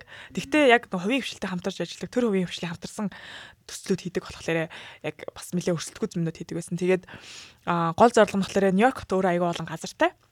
Тэр газруудыг нь ашиглаад тухайн одоо орчин одоо neighborhood те тэр амьдрэх хүмүүсийн амьдралд нь эргээр нөлөөлөх тэр амьдрал тэр хүмүүсийн эдийн засгийн одоо хөгжлийг нь сайжруулж эрчимжүүлэх тийм төсөл хөтөлбөрүүд хийдэг. Одоо ажлын байр бий болгох ч юм уу, хямд төсөр орон сууц барих ч юм уу, те эсвэл одоо шаардлагатай нийгмийн байгууламжуудыг авчрах ч юм уу, их хэмтчлээ явдаг байсан. Тэгээд голдуу одоо юу гэдгийг нөгөө нэг янз бүрийн эдийн засгийн асуудалтай эсвэл одоо жоохон хөгжөөгүй тийм хэсгүүдийн одоо байршлуудаас одоо Harlem ч гэдэм Bronx ч гэдэм юм те. Тэгээд би чинь яг хараад дээр ажиллаж исэн. Тэгээд гол томуудаас нь гэвэл ер нь бол юугаар хэм төсөр орон сууц. 700-аад юниттэй тэгээд дотроо юутай ажлын байр бий болгох тийм хөнгө үйлдвэрлэлийн сегментүүдтэй тэргээд тэгээд ч одоо баг 300 саяын төсөл байгаа. Тэгээд тэрийг яг хувийн хвшилтэд хамтраад эхлүүлээд а өшөө бас офис тий офисын офис ч одоо хөвчлэн Манхаттен төвлөрдөг. А тэгэнгүүт офисын барилгыг нөгөө бусад дүүргүүдэд аваачих. Тэн тэгснээрээ нөгөө эдийн засгийн хөгжилд нэмэр болох ажлын байрыг тийшээ зөөвчдөг юм уу тийм чиглэлээр явдаг. Тэгэхээр Long Island бас нэлээд дээрээс эхэлсэн байсан гэрээг дуусгаж яасан. Тэгээ тэр нь болохоор 700 саяын орон сууцны биш офисын байрлал марлал бас. Тэгээд яг нөгөө нэг хэмжээг нь бодлоор Нью-Йоркийн яг тэр төслүүдийн хэмжээ хэмжээ үнэлэг үнэлэг бол амар шүү дээ. Тэгээд миний ажилчин төслийн одоо хамгийн хямдхан нь л хамгийн бага зардалтай л 45 сая долларын зоч бодол байсан. Тэр нь тийг айгүй хөөрхөн баг 100 100 биш ээ нэг 70 өрөө мөрөөтэй буудал хаарламт хийхэр ч юм уу те. Тэгэнгүүт чи хаарламт ягаа хийж байхлаар тэнд чинь аялал жуулчлал нэг их байхгүй. Ихсэж байгаа болохоор тэнд нь бас жижиг бизнесүүдийг дэмжих маягаар аялал жуулчлалын бас суурийг тавьж өгөх маягаар зочд буудал барья гэдэг ч юм уу те. Тэгээ тэрийг ихтэй яаж их вэ гэхлээрэ нөгөө а үйл хөдлөх хөрөнгөний девелоперууд гэдэг байгаа шүү дээ хөдөлгөөн хөгжүүлэгчүүд. Хөгжүүлэгч хүмүүс нь а юу цөнгөх а одоо юу эмгтээчүүд хөгжлийн бэрхшээлтэй иргэдийн хувь нийлүүлсэн бизнесийн төлөөллүүдээс илүү сонгож идэх юм уу те. Тэнгууд чинь яг манай тэр хаалт болохоор African American буюу да хараарстай эмгтээ хүн яг тэрийн удирддаг тийм компани төлөөллөө сонгогдож гарч ирдэг ч юм уу те. Гэтээ бид нар мэдээж хэрэг тэр хүмүүс чинь чадвартай оо санхүүгийнхаа нөхцлүүдийг оо юу хаасан те хангасан үр ашгаа өгөх өрсөлдөхүүд тийм төсөл байх шаардлагатай гэх. Тэгээд олон чатаар нь хооронд нь өрсөлдүүлж байгаад яг хувийн хвшилтэйг хамтарч ажилладаг тийм мэдэг ус. Тэгээд бидний чинь одоо нөгөө нэг due diligence process нь болохоор зөвхөн эдийн засаг гэлтгүүгээр яг л нөгөө нийгмийн чиглэл бусад юмнууд нь яаж явж гин энэ энэ бизнес өмнө нь ямар нэг асуудал гаргаж ирсэн өнтер гэл тэгэл олон талаас нь үзэж хагаад тэгээд нэг нэлээд удаан бас хилэлцээ хийж хагаад тэгж байгаа сонгож явдаг ус. Тэгэл яг яг юу л айгу сонирхолтой ажил. Миний бол ер нь хийжээс ажлууд бас хамгийн сонирхолтой ер нь бол их юм сурсан тийм богино хугацаанд ч гэсэн тийм төслөөсөн. Тэгээд тийм ажилласан. Тэгээд өшөө бас яг бид нар судалгаанууд хийдэг гэсэн том том бүр юунуудын одоо юу гэдэг дүүргийн хэмжээний өөрчлөлтүүд том хөдөлгөөн хөрөнгө оруулалт дээр хийвэл яаж ийн эсвэл одоо юу тийм хоёр дүүргийг холбосон хөнгөн одоо нөгөө light rail гэдэг чинь одоо галтрэгний юу яавал метро шиг тийм үйлчлэгээ нэвтрүүлгээр яаж явчих гэж энэ төр ч юм уу тэнгүүд тэдний судалгаа бодлогон дээр бас ажилладаг гэсэн. Тэгэл ер нь айгу сонирхолтой ажилласан. Тэгээд яг Нью-Йоркийн үйл хөдлөх хөрөнгө дээрээс нь тэр бизнесийн орчин ер нь юм уу болвол тэгээд иргэдэн ч гэсэндээ яг арай л өөр төвшөнтөлтөө. Тэгээд би нэг удаагүй мөртлөө ягаад ч нөгөө хаасайг нь ажиллаж исэн болохоор надад айгүй тотон сагдаад байдсан шүү дээ. Тийм. Тэгэл нэг янз бүрийн жижигэн жижигэн булан булан гэнэ гайгүй мэддэг болсон. Тэгэл нөхөлдсөн гэж. Тэгээд арайш нөхлөөгөө амар том шүү дээ. Тэгээд арайш нөхлөөгөө гэтээ нэг юм зүгээр ингээд нэг хэсэгхэн одоо орчинд амьдарч исэн хүнээс арай нэг цаагуур нь нутгийн иргэд мэрэгттэй уулзч муулзч исэн те. Тэгээд тийм давуу тал бас байсан. За Монголын үйл хөдлөх хөрөнгөний салбарыг Нью-Йоркт харьцуулна гэдэг бол харьцуулшгүй ойлголт. Гэхдээ Ер нь Монголын үйл хөдлөх хөрөнгийн салбар цаашаа ер нь ямархуу төвшөнд хөгжих бол одоо яг энэ Улаанбаатар хотын хувьд шүү дээ. За Улаанбаатарын нөхцөл байдал нь иймэрхүү байна. Тэгээ одоо зүгээр ямархуу шатан та та зүгээр хөгжиж байгаа болов уу гэж хардаг вэ? Үйл хөдлөх хөрөнгийн салбар нь Одоо яг зөвхөн монголчууд хувь хүнээс л авдаг шүү дээ. Ер нь одоо янз бүрийн юм чинь ингээл за би одоо баг ингээл үнгүү цэгмэн дээр харж байгаа ч юм уу. За ийм байр юм байна. За ийм офс стресс чи ийм. Одоо сүүлийн үед л ийм нэг дунд нь нөгөө агентлагууд гарч ирээд ингээд нэг илүү арай өөр төвшөнд ингээд нэг ассетны нарчилж марчилдаг ч юм уу юм болоод байх шиг. Мэдгүй зөвхөн энэ бол зөвхөн түрээсийн болон худалдаа авах процесс. Гэхдээ үйл хөдлөх хөрөнгө бол цаана арай өөр юм яригддаг том салбар байх л та. Тийм. Яг одоо яг нөгөө нэг риэлтор ч юм уу юм уу брокер юмнууд ч юм бол яг нөгөө нэг бүтээгдэхүүн гарсан хонь нь тэрийг одоо зах зээл дээр эргэлдүүлж байгаа тэр процесс л байгаа шүү дээ. Би голцоо нөгөө бүтээгдэхүүн бий болох development талаасаа байдаг болсон болохоор яг Realtor талаас яг Нью-Йорк театрын сайн мэдхгүй шууд харьцуулах хэцүү. Энэ бол барилгын төслүүдийн нэг тийм яг одоо аль нь үр ашигтай байна хэрэгжүүлэх окей гэж. Харин тийм ямар төрлийн бүтээгдэхүүн байх вэ? Ямар загвартай авах уу? Юу адгийн те ямар байгууллагууд байх вэ? Бид нар ч нэр дотор орох байгууллагуудын хүртэл баг заримдаа сонгож шилж ярилцдаг байсан юм. Аа тэгэхээр арай жоохон өөр а Монгол болохоор бас яг developer талаас бас нэг их ажиллаагүй. Яг жоохон жоохон ажилтнагтай бас яг гүнзгий ажиллаагүй болохоор яг ямар төвшөнд байгаа мэдэхгүй. Тэгээд яг юу ч нь бол өдөлт хөрөнгө чинь хөдөлгөөл хосож ерөөсө бараа бүтээгдэхүүн гэсэн үг шүү дээ тий. Тэгэхээр яг тэр юу чинь арай илүү агштай бараа бүтээгдэхүүнээс илүү күн нөлөөтэй. Ягаад тэгэхээр нэг баригдсан оноо тэр чинь тэр орчиндоо наад зах нь 30 40 жил байна. Тэгэхээр тэр орчныг одоо нөлөөлөлд бий болж ин тэр хүмүүсийн амьдралын юм аяг нөлөөлж ин. Тэ тэгэхээр айгүй одоо юу гэдгийг нөлөө нь айгүй том тэгсэн мөртлөө бараа бүтээгдэхүүн гэж би бодоод юм. Яагаад тэр тэрэнд эрэлт байна уу? Ямар төрлийн болох гэж байна? Хин авах гэж байгаа? Яг одоо ямар одоо концепттэй юм те тэр мэнэс айгу чухал байдаг. Тэгээд Монголд бол яг нэг хэсэгтээ хөвчлэн нөгөө нэг ингээд өөрийнхөө харсан мэдсэн эсвэл байгаанууд ингээд хуулах маягаар айгу адилхан адилханууд хийгээдсэн. Тэгээд сүүлийн үед яг бас нөгөө нэг тэр нэг концептийнхаа төвшин дизайны ямар онцгойтой байх хэвээр дотор нь одоо ямар төрлийн үйлчлэгээнүүд одоо үйлчлэгээ гэхлээр зөвхөн бас нөгөө нэг дэлгүүр орон сууц офис гэдээ хуваадаг биш болцсон шүү дээ. Тэр чинь дотроо ямар төрлийн үйлчлэгээ юм.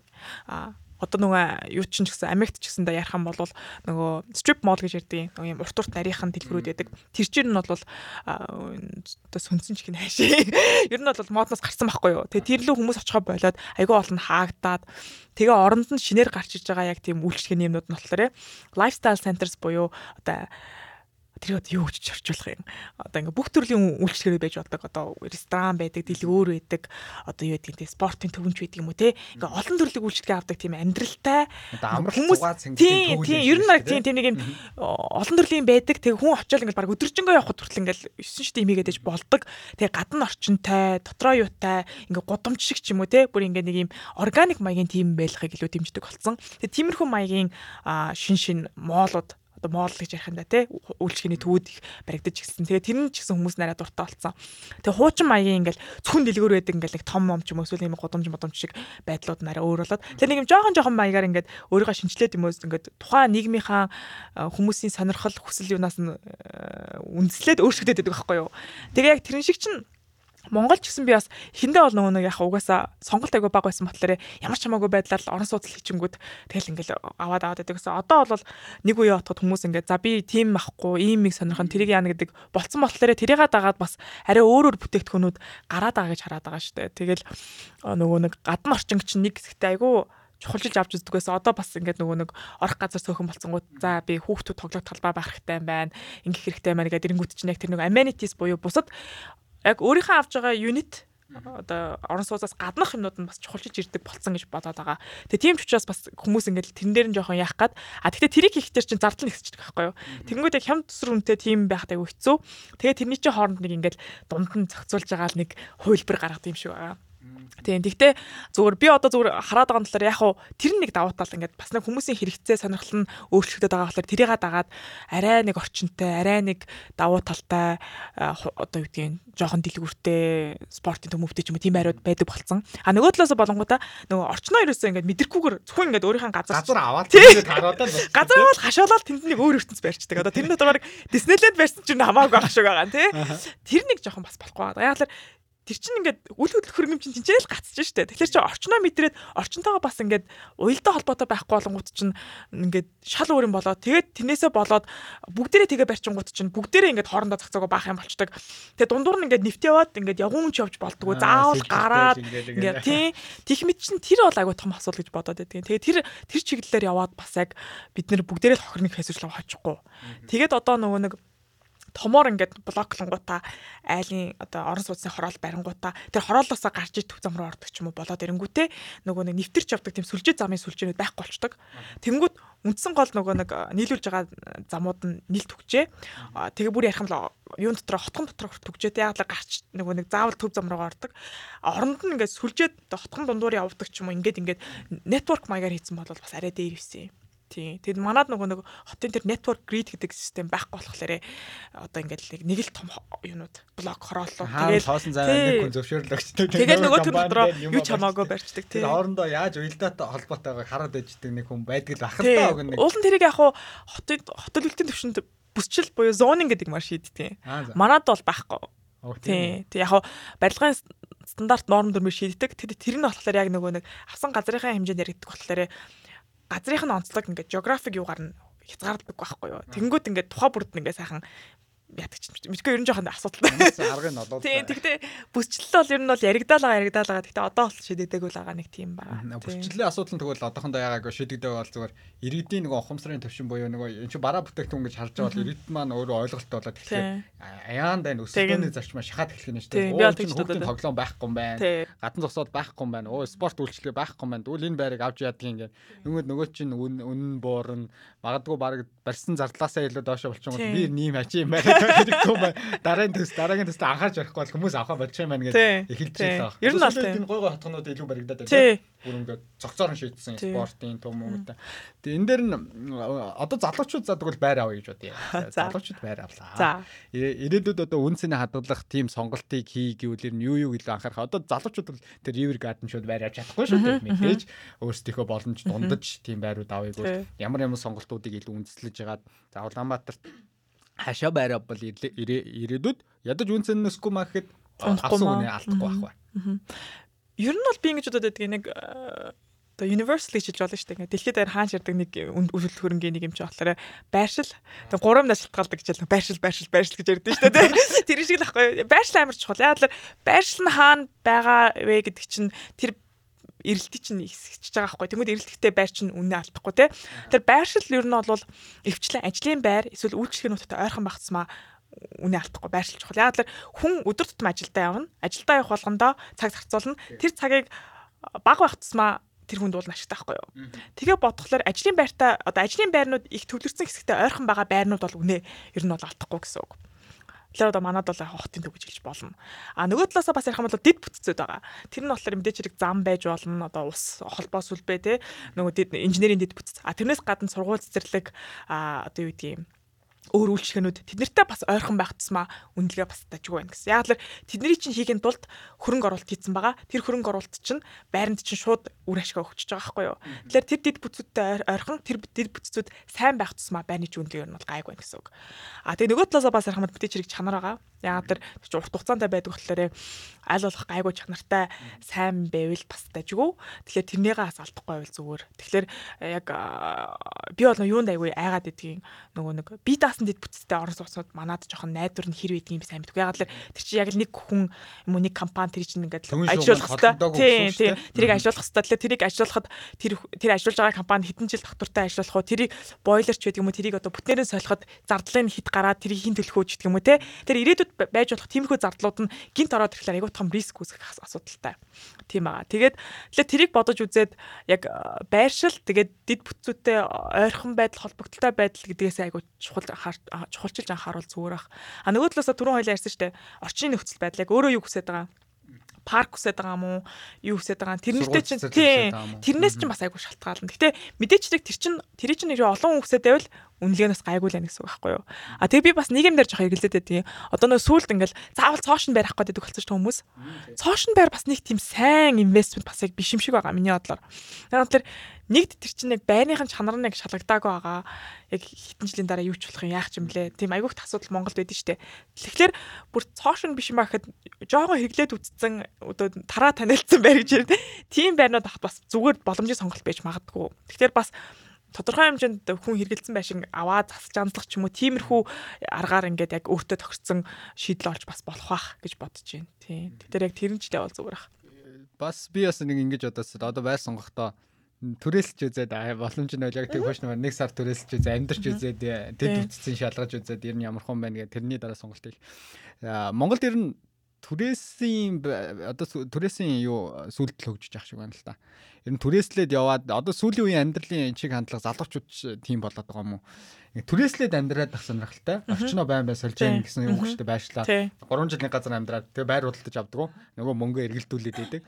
Тэгэхээр тийм зарчмын олон улсад энэ ямархуу байдлаар хөгжсөн байдیں۔ Монголд ер нь та харахад байрны үнэ нь харьцангуй гайгүй байна гэж харж байвал энэ залуучууд байр авчвал энэ зүгээр дээ гэхөө. Аюул түрээслээд явж ивэл энэ зүгээр. Яг хоо ингээ шууд хэлэх хэцүү дээ зүгээр. Одоо эдийн засгийн нөхцөл зах зээлийн хараад үзвэл яг уу яг нөгөө нэг тухайн усынхаа онцгоос болдгийг. Тэгэхээр одоо жишээлбэл Америкт бол хөвчлэн түрээсэлтэй. Ялангуяа нөгөө нэг э, том метрополитен хотууд болохоор зах зээл нэг өрсөлдөөнтэй нэгд хүмүүсийн амьдралын хэм маяг өөрчлөгдөж байгаа болохоор ихвчлэн одоо ихэнх хүмүүс нь түрээсэлдэг. Тэр нь бас мэдээч хэрэг давуу сул талуудтай. Давуу тал нь гэвэл яг юу ааж гин тэр байрнуудыг эзэмшиж байгаа хүмүүс нь байрныгаа нөгөө чанарыг алдуулахгүй сайн байлгахын тулд анхаарал халамж сайн тавьж гин а сул тална гэвэл бас нөгөө нэг авч байгаа хүн нь юугүй яг урт хугацааны хөрөнгө оруулалтын юм дээр орохгүй тэгээд нөгөө нэг бас байрныгаа анхаарч халамжилдаг одоо юу гэдэг нь тухайн орчиндөө ингээд нөгөө нэг бүр суудсан одоо яатсын тийм сэтгэл бас байхгүй төр зүр амьдарч байгаа гэдгээр хандаад байдаг тийм юм гэдэг байгаа. Тэгтээ яг аль аль нь сайн муу талтай л да. Би бол зүгээр яг Монгол тархлаар яг л нөгөө нэг хэрэгтэй шаардлагаас л болох байх л та. А манад болохоор яг нөгөө нэг соёлын онцгоос шалтгаалаад заавал өөрийн гэсэн байртай байж тодорхой хэмжээний статустай болно гэдэг тийм айгу итгэцэн байдаг болохоор тэрийгээр явах гэдэг. А тэгтээ хэрвээ яг юу гэдэг юм а тодорхой хэмжээний нөгөө нэг яг эдийн засгийн хөрөнгө оруулалтын талаас нь ярих юм бол яг банкны тэгээ хадгалдаг ч юм уу эсвэл ямар нэгэн байдлаар хөрөнгө оруулалт тэгээд явхад одоо бэлэн мөнгө нь хангалттай байж ивэл тэдэн хувийн зээл аваад яхаас илүү баг ашигтай байдаг шүү дээ. Шууд тооцоогоор харах юм бол тэгэхээр арай болоогүй заавал хөрөнгө оруулалт хийхгүй гэж байгаа бол түрээслээд амьдраад тахт болоос тийм муу юм биш. А нөгөө талаас Монголд нөгөө түрээслэгчдийг хамгаалдаг хууль эрхцэн орчин айгу муу болохоор түрээслэж байгаа хүн чинь эренгүүтээ за дараагийн сар манай хамаатны хүн ирэнгэнэ. Одоо гар гэхэд ерөөсө ямар ч хамгаалт байхгүй байхгүй юу. А тийм маягаараа бас нөгөө тав тухтай байдал ингээ сэтгэл амар байдлыг бас олж авч чадахгүй байгаа. Тэгэхээр яг нөгөө нэг би өөрийнхөө амьдрал тухтай байна гэдэг нэг тийм юугаар яваад яхахлаараа хүн яг өөрийнхөө шаардлага нийцүүлээд байраа авч болно. А хэрвээ яг санхүүгийн талаасаа зөвхөн яана гэвэл яг л нөгөө нэг л юу болчих байгаа хэрэгтэй шаардлагандаа тааруулаад тийм болох баг. Гэтэ яг Монголын одоо байрны эдийн засгийн юг хаашаа явна хэлэхэд хэцүү шттэ. Би бол одоо яста бүүмэд нөгөө Монголын эдийн засаг хаашаа явахаас шалтгаалах байх та. Тэр чинь шууд холбоотой байдэн шттэ. Одоо нөгөө үйл хөдлөх хөрөнгийн зах зээл чинь хамгийн эмзэг. Манад бол айгу том зах зээлтэй ер нь бол нэг талаасаа. Гэтэ яг Монголын эдийн засагтай шууд холбоотой байдаг болохоор яг тэгээ дээрэс нь нөгөө нэг хамаг их их айгу бол их бараа бүтээгдэхүүнийг импортлж оруулж байгаа болохоор тэрнээсээ холбоотой байдаг болохоор яг зардлаасаа шалтгаалаад үнэлгээ нь явчихдаг юм шиг байна. Тийм. Тэгэхээр одоо яг бас яг үнэлгээ нь яг тэд байна гэж эд байна гэж хэлэхэд ч ихсэн хэцүү. Яагаад тэр нөгөө нэг санхүүжилт нь ч гэсэн айгүй тийм одоо юу гэдгийг institutionalized тийм үү нэг тийм институцийн зориулалтаар санхүүжилсэн тийм үйл хөдлөлгөрөнгийн хөгжүүлэлт айгу бага байд юм шиг байгаа. Тэгэхээр яг ингээд өөрсдийнхөө мөнгөөр ч юм уу өөр бизнесээрээ санхүүжүүлдэг ч юм уу эсвэл нэг юу бартраар нэг таньдаг хүнийхээ юуны цементийн үйлдвэрээс ингэж аваад ингээд ингээд явт. Тэгэхээр айгу тийм барьцгүй юм байлээ л дээ. Тэгээд яг ингээд тооцоолууд үзтер заримдаа их юм шиг а заримдаа нөгөө нэг бидний мэддэхгүй байгаа зардал нь газрынхаа үнэлгээ ч юм уу те өөр юмнуудад явцдаг дэд бүтц мэт ч юм уу те. Тэгэхээр яг Монголд бол ерөнхийдөө барилга барихад айгу зардалтай. Гэхдээ яг бодит үн би яг хаана байгааг ястаа бөөмөд. Тэгээд тэр хаашаа явахыг ч гэсэн би бас хэлж мэдэхгүй байна. Тэгэхээр яг нөгөө өөрийнхөө хэрэгцээ шаардлагадаа харж агаад аль болох эрсдлээ багасгасан тийм бүтээгдэхүүнийг сонгоод авч авахд бол нэг бас буруудах юм байхгүй бах. А тэгтээ тэг шаардлагагүй гэвэл түрээслэгч гэсэн штэ нөгөө эрсдэл дааж чадна гэвэл те э, бүх юм л эрсдэл байгаа. Тэрийг яаж даах уу, яаж зохицуулах уу гэдэг дээр л гол одоо урах ханаа зарцуулах юм да тий. Гэр бүлтэй хүн бол арай өөр сонголт юм. Хүүхдтэй бол арай өөр сонголт юм. Ганц үе юм бол бас нэг өөр сонголттой хийгээд явах тий. За одоо илүү манай сонсогч нараас маань хувь хүний талаас нь одоо нэг хувь хүний хөгжил талаас нь өөрийгөө хөгжүүлэх талаас нь хэд хэдэн танаас үлгээ авахыг хүссэн асуултууд ирсэн байна. Ер нь та одоо Монголдо ирээд ажиллаад тэр удаж юу? 4 жил болох гэж. 4 жил. Айгу хурдан харин тий. Одоо тэгээд энэ буцаж явъя. За гадаадад нэг хийгээгүй бас үлдээсэн зүйл байгаа даа гэж зориод зорж байгаа. Ямарсан тэрийг очиод миний хийж буцаж дуусгандаа гэсэн зорж байгаа зүйлүүд байна уу? Энэ Монголд одоо ингээл зүгээр одоо би ингэж хэлэхэд жоохон муухай л та. А коронагийн дайлмаар маш олон бас гадаадад боловсрал эзэмсэн залуучууд маань Монголдо ирж ажиллаж үзэж байх шиг байна. Монголынхаа зах зээл дуусан шиг гэж эхэлж явах шиг байна. Тэгэхээр таны хувьд одоо ингээд энийг сонсож байгаа гадаадын 3 4 дугаар курсын оюутнууд юм уу дөнгөж төгссөн. За одоо Монгол руугаа би очиж ажиллах уу? Эндээ би ажиллах уу гэж эргэлзэж байгаа маш олон залуучууд л байгаа хэл та 4 жил ажиллаад үзсэн хүний хувьд юу гэж харж байна. Тэгээ бас буцаж яваад ажиллах сонирхол байна уу? Заавал Америкийн нэгэн байхаас. Үгүй яг одоо нөгөө нэг э, пандемикийн үед яг ингэж тэгнэ гэж төлөвлөхөд амар хэцүү болсон. Тэг би яг сайхан шинэ ажил эхэлсэн. Тэгээд сонирхолтой инновац одоо гэдгийг нийгмийн юуны талаас харж байгаа болохоор бас нэг хэсэг юу байгаа те үр дүнгийг хараад ингээд ойлгож үзмээ санагдаад байгаа. Тэгэхээр яг одоо техник ингэж хэлэхэд хэцүү байна. Гэтэ одоо яг нөгөө нэг бүгд бид нар бүгдээр л мэдчихэж байгаа чинь ер нь төлөвлөхөд хэцүү болсон. Юу ч болохыг бүүмэд. Тэгэхээр яг ингэн тэг гэж бол хэлэхэд хэцүү. Гэтэ ер нь бас дандаа Монголд байгаад ахгүй эсвэл дандаа одоо гэдэг Монголын юун дотор байгаа нөхцөл байгаа хүмүүстэй ажиллахгүйгээр зарим тохиолдолд бага хэмжээний гадныхантай ч юм уу ингэж мэнгэж ажиллавал бас зүгээр юм байлээ гэж санагдсан. Яг л яг ингээд дотроо ороод ирэхлээрээ нөгөө нэг уусна читгэлөө, дасан читгэлөө те. Ингээд нөгөө нэг буцаад юуруугаа орчих гээд магадaltaй юм байлээ. Тэгэхээр тодорхой хэмжээнд бас шинэ үзээд мэдээ гэвэл гадныхантай ажиллах ч юм уу, гадагшаага жоохон хардаг ч юм уу. Тэрийг ер нь байнга авч үлдвэл зүгээр санагдсан. Яг Монголд ажиллаж байхад бол тэгээ салбар салбараас шалтгаална л да одоо яг банк санхүүгийн ч юм уу салбар Монголд бол харьцангуй хөгжсөн. Тэнд айгу сонирхолтой ажлууд хийж болж байгаах. А яг хот төлөлт ч гэдэг юм юм нэг юм төрийн юм шиг, хувийн юм шиг, нийгмийн юм шиг иймэрхүү ажлууд дээр бас жоохон хэцүүлтэй. Би төсөө дээр ажиллаж исэн. Тэгэл яг яаж зохион байгуулж яас явсаасаа шалтгаалаад айгүй бас сонирхолтой том ажлууд хийж болно. Гэхдээ бас тэр хэмжээгээр асуудлууд байж болно. Тэгэхээр яг өөрийнхөө сонирхож байгаа чиглэл мэгжлэрээ Монголд ажиллаж байгаа хүмүүс болж өгвөл эсвэл өөртөө адилхан одоо гадаадд сурсан туршлагатай ч юм уу тийм хүмүүсээ холбож ярьж үзээд тэгж байгаа шийдвэр гаргавал илүү зүгээр ахalta. Яг тэгэхээр би бас мэддэг байхгүй юу ингээд айгүй сонирхолтой мэрэгчээр гадаадад сурчаад Монголд тэр нь байдаггүй болохоор тэрүүгээрөөсөө ажилдаггүй. Тэгээ ажиллах боломж ч гараагүй тийм хүмүүс байдаг. Тэгэхээр тийм байдалд орохгүй тулд яах вэ? Эсвэл өөр тэрэндээ төстэй бас сонирхолтой имиж болно шүү дээ. Тэгвэл тэр орон зай ямар байгааг гэрн жоохон ойлгочвол зүгээр ахах. Тэгэхээр яг тэр өөрийнхөө сонирхоод байгаа чиглэлээр угаасаа Монгол жижиг юм чинь ямар нэгэн байдлаар хүн олдсон шүү дээ тийм хүмүүстэй ярьж үзээд яавал зүгээр аа нийвэл зүгээр аа гэдгээ яачвал мэдчихвэл зүгээр ах. Тэгээ яг хуу тий ер нь бол яг урт хугацаанд Монголд ажиллаж амьдрий гэж бодож байгаа бол тэгэл ирээд туршаад үтсэн зөвлөлтөө тэр нь бол ерөөсөө асуудал байхгүй тий тэгж л бодож байна.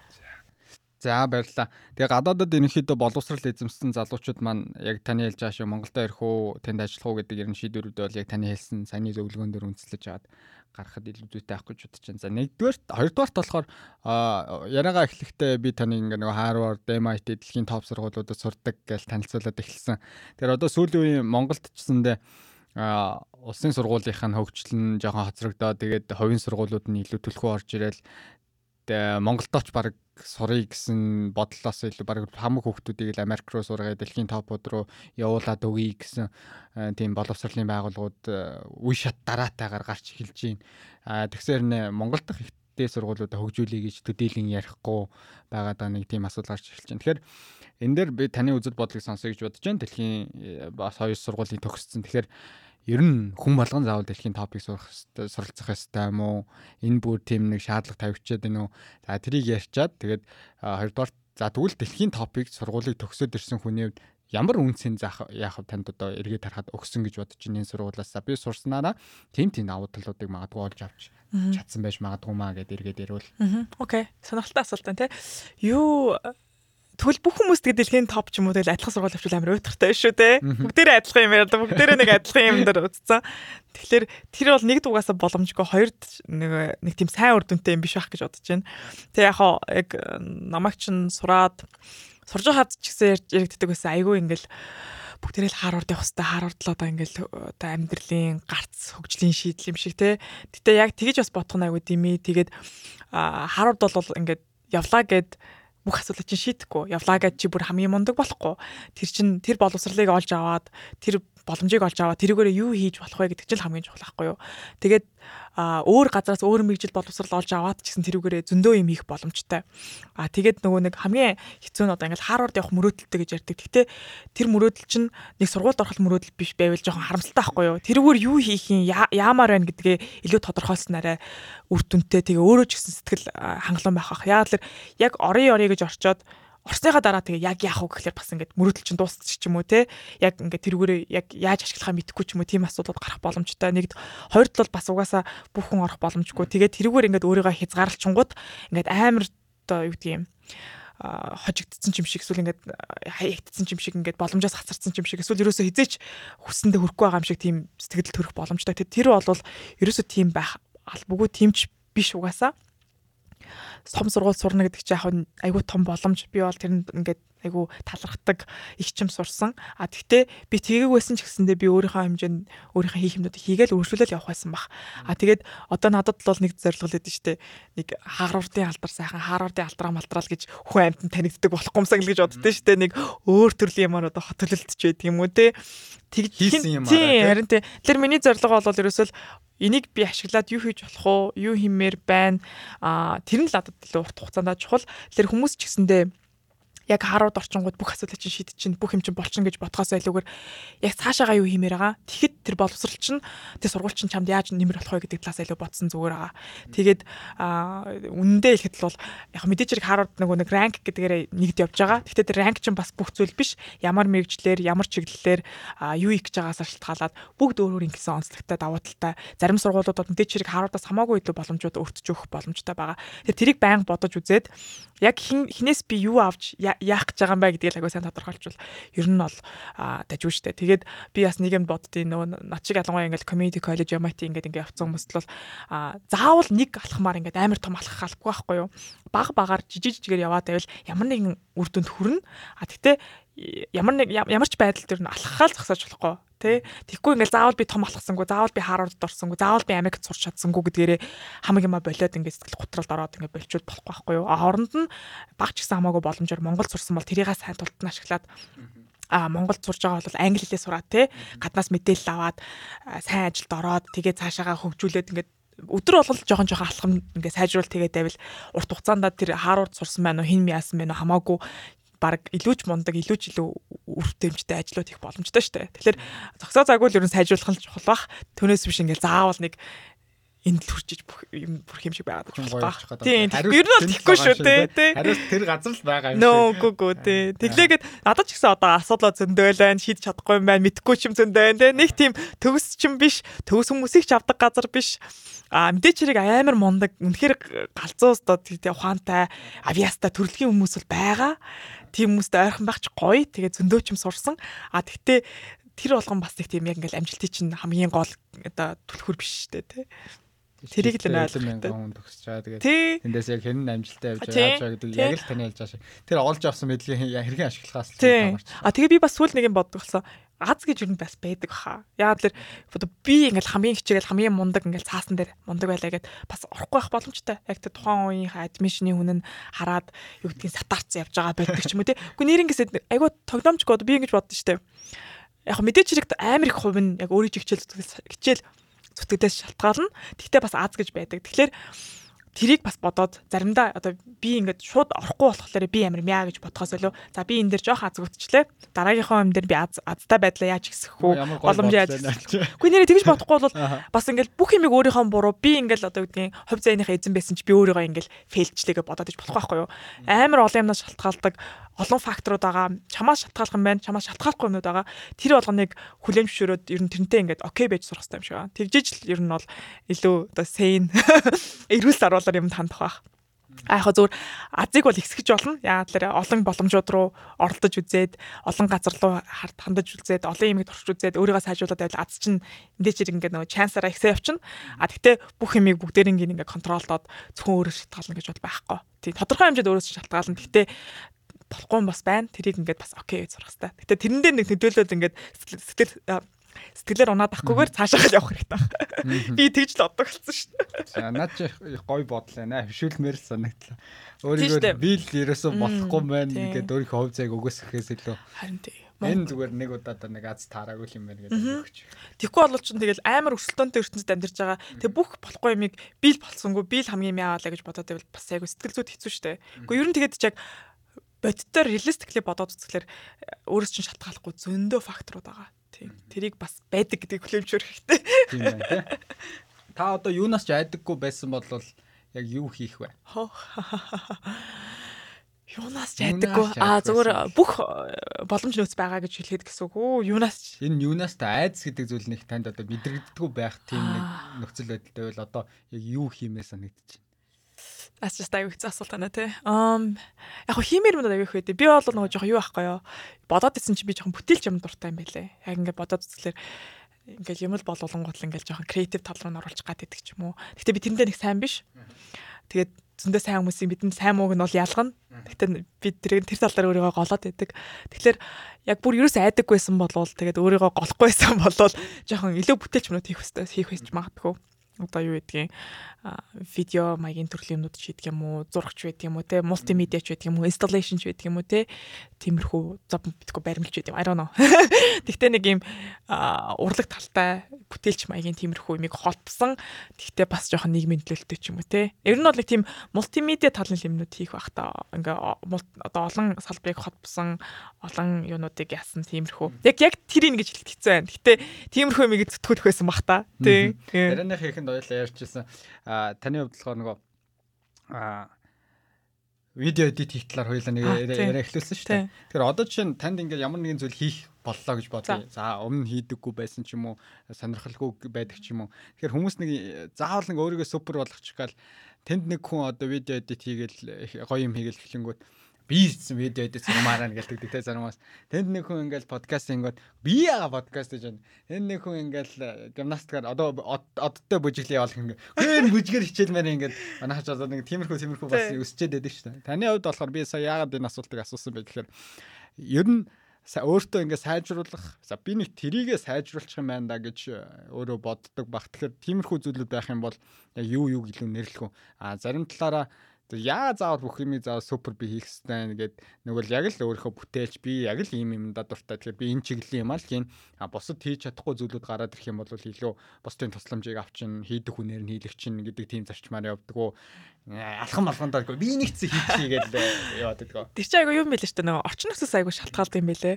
Тэгээд зүгээр яг Монгол төрсний дараа бол анзаарчихсан юм бол а ер нь бол айгаа олон төрлийн юм чаддаг байхгүй л хэцүү. Яагаад тэлэр нэг юм ихлүүлээд явъя гэхээр нэг өөр хүнээс шатгаал нөгөө өөр хүн нэг сэтгэлд нь хүрсэн хийж өгч чадахгүй. Тэнгүүд нь өөрөө заавал оролцоол.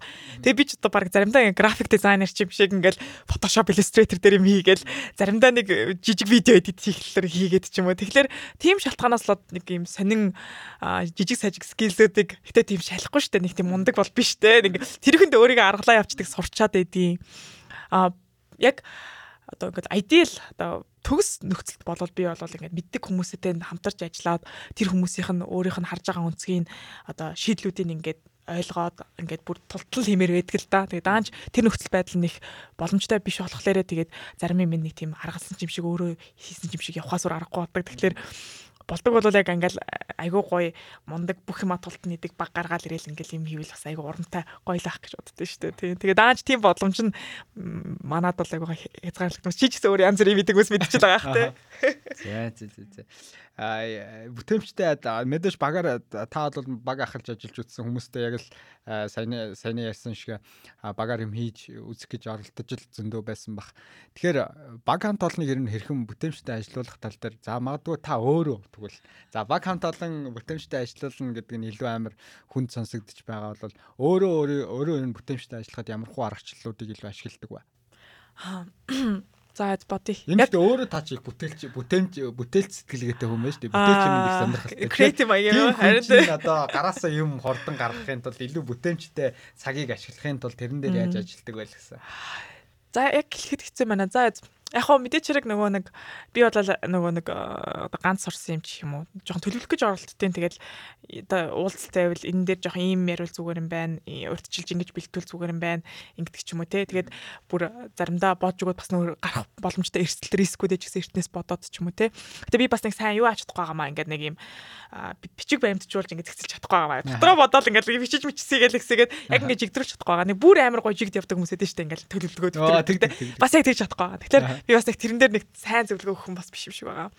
Аа тэгээд юу адгийг миний зүгээр өөртөө яг хэрэгжүүлэх гэж оролдог нэг зарчим болохоор аль болох санаачлагтай байх гал одоо өөрөө хийж болмоор юм байл аль болох хурдан хийгээл аль болох одоо хийх хэрэгтэй байвал тэний санаачлагаараа төрүүлж хийдэг. Санаачлагаараа дарагтаа сануулдаг хүмүүстэй сануулдаг санаачлагаараа уулзалт зохион байгуулагтай зохион байгуулцдаг тий Тэгээд яг өөрөөсөө шалтгаалж хийж болох санаачлаг гаргаж болох юмнуудыг одоо зөвхөн одоо хийгдэх ёстой жижиг юм биш. Тэр одоо үндсэн зорилго одоо төслийг цаашлуулах дараагийн алхам руу хүргэх юм юу байна? Тэр болгоныг санаачлагаараа хийх гэж оролддгийн тэгээд тэгтээ тэр бас яг тэр нэг багтаа ажиллах чинь бас айгүй хүндрэлтэй юм бэл би одоо хүртэл яг нэг тийм төгс одоо менежмент ч юм уу хамтарч ажиллахнуудаас ойлгож чадаагүй л байна яг хав тэр нь орчин нөхцөл нөгөө нэг professional соёл моёлоос айгүй шалтгаалтай юм шиг байгаа тэгээд яг хав хэдэн жилийн дараа сураад ойлгочвол бас хэлнэ тийм тэгтээ зүгээр яг тэр тэрэн дээр л айгүй төлөвлөөл тэгээ жоохон санаачлагтай байх хэлчихэд штэ. Тэгэхэд ер нь бол гайгүй. Тэгээд яг тэр хоёрыг бас жоохон хэрэгжүүлээд гэхэд Монголч гэсэн айгу ялгархад айгу амархан штэ. Яг санаачлагтай үн мэдэгддэг байхгүй ингээл санаачлагаараа нэг юмыг юу агаа төлөвлөгөөр нэг одоо илүү юм батарейгаа ч маяад ирдэг ч юм уу эсвэл одоо юугаа цаг агаараа урьдчилан харцдаг ч юм уу тэ нэг жижигэн жижиг юмнаас аягүй ялгаж харагддаг. Тэгэхээр хин хийх болоо хин надад заавар өгөх болоо гэж хүлээхгүйгээр за би энийг чи хийхэд бол ийм ийм хэсгээс бүртгэх юм байна. Би энийг энийг хийцэн одоо энийг хийчи. Тэгвэл аягүй зүгээр юм байна гэд өмнөөс нь төрүүлээ бодцдаг л айгу зүгээр. Тэгээд тэгэд тэгж боддог нөгөө нэг одоо юу гэдэг хандлагыг өөртөө бас суулгачлаар амьдрал чинь гэсэн айгу хэрэгтэй байхгүй юу те санаачлагаараа за текстэй байна. Одоо юу гэх те манай тэр юм дуусж байгаа тэрийг авчих хэрэгтэй юм байна гэдэг юм уу те. Заавал ингээл дунд нь орж зовж иж тэгч яваад ахгүйгээр л гэж боддөө штэ тий. Түүнээс биш нэг амар нөгөө нэг юм цогц тийм юу бол алгаа. Тий ингэ төгс тий тий байхгүй тий. Тий би айгүй хэм ингэ жоохон оролдож үзэж байгаад ингэж байгаад нэг учрыг нь олдгийн тий. Олон юм оролдож үздэг гэдэг чинь таны хувьд их сониуч гэсэн үг мэдхгүй да одоо тэгжилж болох л энэ тий.